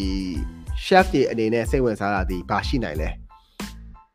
သူတို့စိတ်ဝင်စားအောင်ကျွန်တော်တို့ကဘယ်လိုမျိုးလေတံမျိုးနဲ့ဥမာသူတို့အကိုကြီးနေရနေပြီးတော့ရေးมาလားဒါမှမဟုတ်ဘယ်လိုလေတံမျိုးနဲ့ရေးမယ်ဆိုတာမျိုးကျွန်တော်စဉ်းစားမှာရှိတယ်ပြီးတော့ရှင်သူတို့တကယ်ဥမာထားပါတော့ကျွန်တော် chef တယောက်အနေနဲ့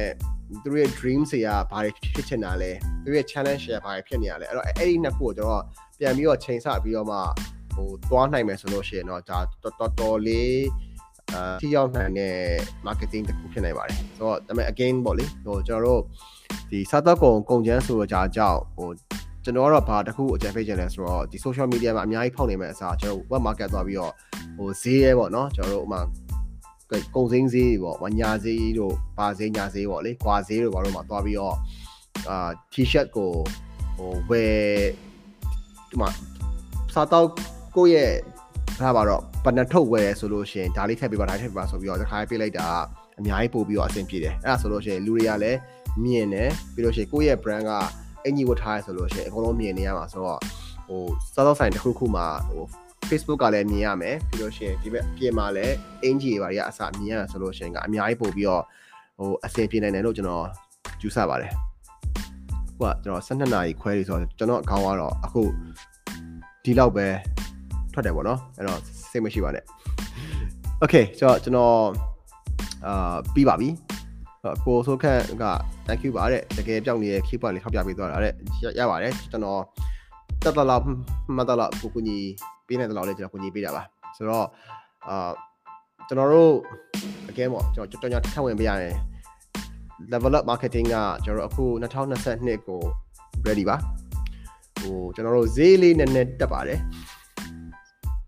yeah ဈေးတက်သွားပါတယ်ဆိုတော့ဘယ်လိုဆိုတော့ဟို client တွေလာတာလဲများတာဆိုတော့ကြတော့ဟိုကျွန်တော်တို့ဈေးတက်ပြီးတော့ယူရမယ့်အခြေအနေတစ်ခုလည်းဖြစ်သွားတယ်။ဘာလို့ဆိုတော့ကျွန်တော် team ကိုလည်းချဲ့တဲ့ဟာတွေရပြီးတော့ရှင်အာကျွန်တော်တို့ရဲ့ဒီ expense ကလည်းတင်းနေပိုများလာတယ်ဆိုတော့ကြတော့ကျွန်တော်ဈေးတက်လိုက်ရအခြေအနေတစ်ခုဖြစ်သွားပါတယ်။အဲ့တော့ကျွန်တော်ဈေးတက်ပါတယ်။အခု clients တွေကတော့အခု clients spring နဲ့ပေါ့လေနော်။ကျွန်တော် clients အတက်တွေကတော့ကျွန်တော်ဈေးနည်းနည်းတက်တဲ့အခြေအနေဖြစ်သွားတယ်။အဲ့တော့ကြတော့ ဘာဖြစ်ပါဟိုကျွန်တော်တို့ production စေရအစဒီ social media အာ marketing စေ content စေ boosting စေနောက်ဆုံး KOL စေ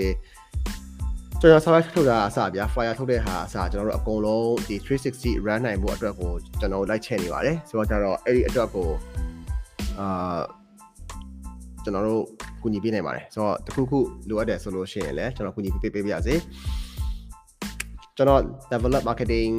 အာ page ရှိပါတယ်အဲ့မှာသွားပြီးတော့မေးနိုင်ပါတယ်ဆိုတော့ကျွန်တော် strategy အများစုကတော့အာကျွန်တော်ဖြတ်ပေးတာပါဒါပေမဲ့ဟိုကျွန်တော်တို့ဆိုင်ရာဆိုင်ရာဒီ account manager တွေဒီဆိုင်ရာဆိုင်ရာ creative အာတွေရှိနေတဲ့အတွက်ကြောင့်ဟိုသူတို့တို့ကတော့ကျွန်တော် day to day operation ရှိရပါလေကျွန်တော်ကတော့ဒီ final အာ strategy alignment strategy ပြန်ညှိရဆိုလို့ရှိရင်ကျွန်တော်ဖြတ်ပေးရပို့ပြီးတော့များပါတယ်ဆိုတော့ hopefully အခုနောက်ထောင်နေတဲ့သူတွေနဲ့ကျွန်တော်အလုပ်တူတူတူလောက်ခွင့်ရမယ်လို့ညွှန်နေပါတယ်အဲ့တော့ကျွန်တော်ဒီနေ့ကတော့ဒီတော့ပါပဲ7နိုင်လဲ7နိုင်လဲခွဲနေပြီဆိုတော့အဲ့တော့နောက်နေ့နောက်နေ့မှာကျွန်တော်မေကွန်မေးပေးဖို့အတွက်ကိုကျွန်တော်တောက်ဆိုချင်ပါတယ်မဆိုတော့မေးတော့မှာပဲကျွန်တော်အနေနဲ့ကျွန်တော်တီးတလောက်ကျွန်တော်နားနေတဲ့တလောက်လေးကျွန်တော်ပြန်ပြီးတော့ကိုကိုညီပေးခွင့်ရမှာအောင်ဆိုတော့ကြတော့အာမေးစရာရှိရမေးပါဖြေဖို့အတွက်ကိုတော့ကျွန်တော်အတက်နိုင်ဆုံးအဲစူးစမ်းပြီးတော့ကျွန်တော်ဖြေပေးပါမယ် အဲ့တော့နောက်တစ်ပတ်စနေနေ့မှာအားလုံးနဲ့ကျွန်တော်ဖြေဆုံးနေပါတယ်အခုတော့ good night ပါတတာ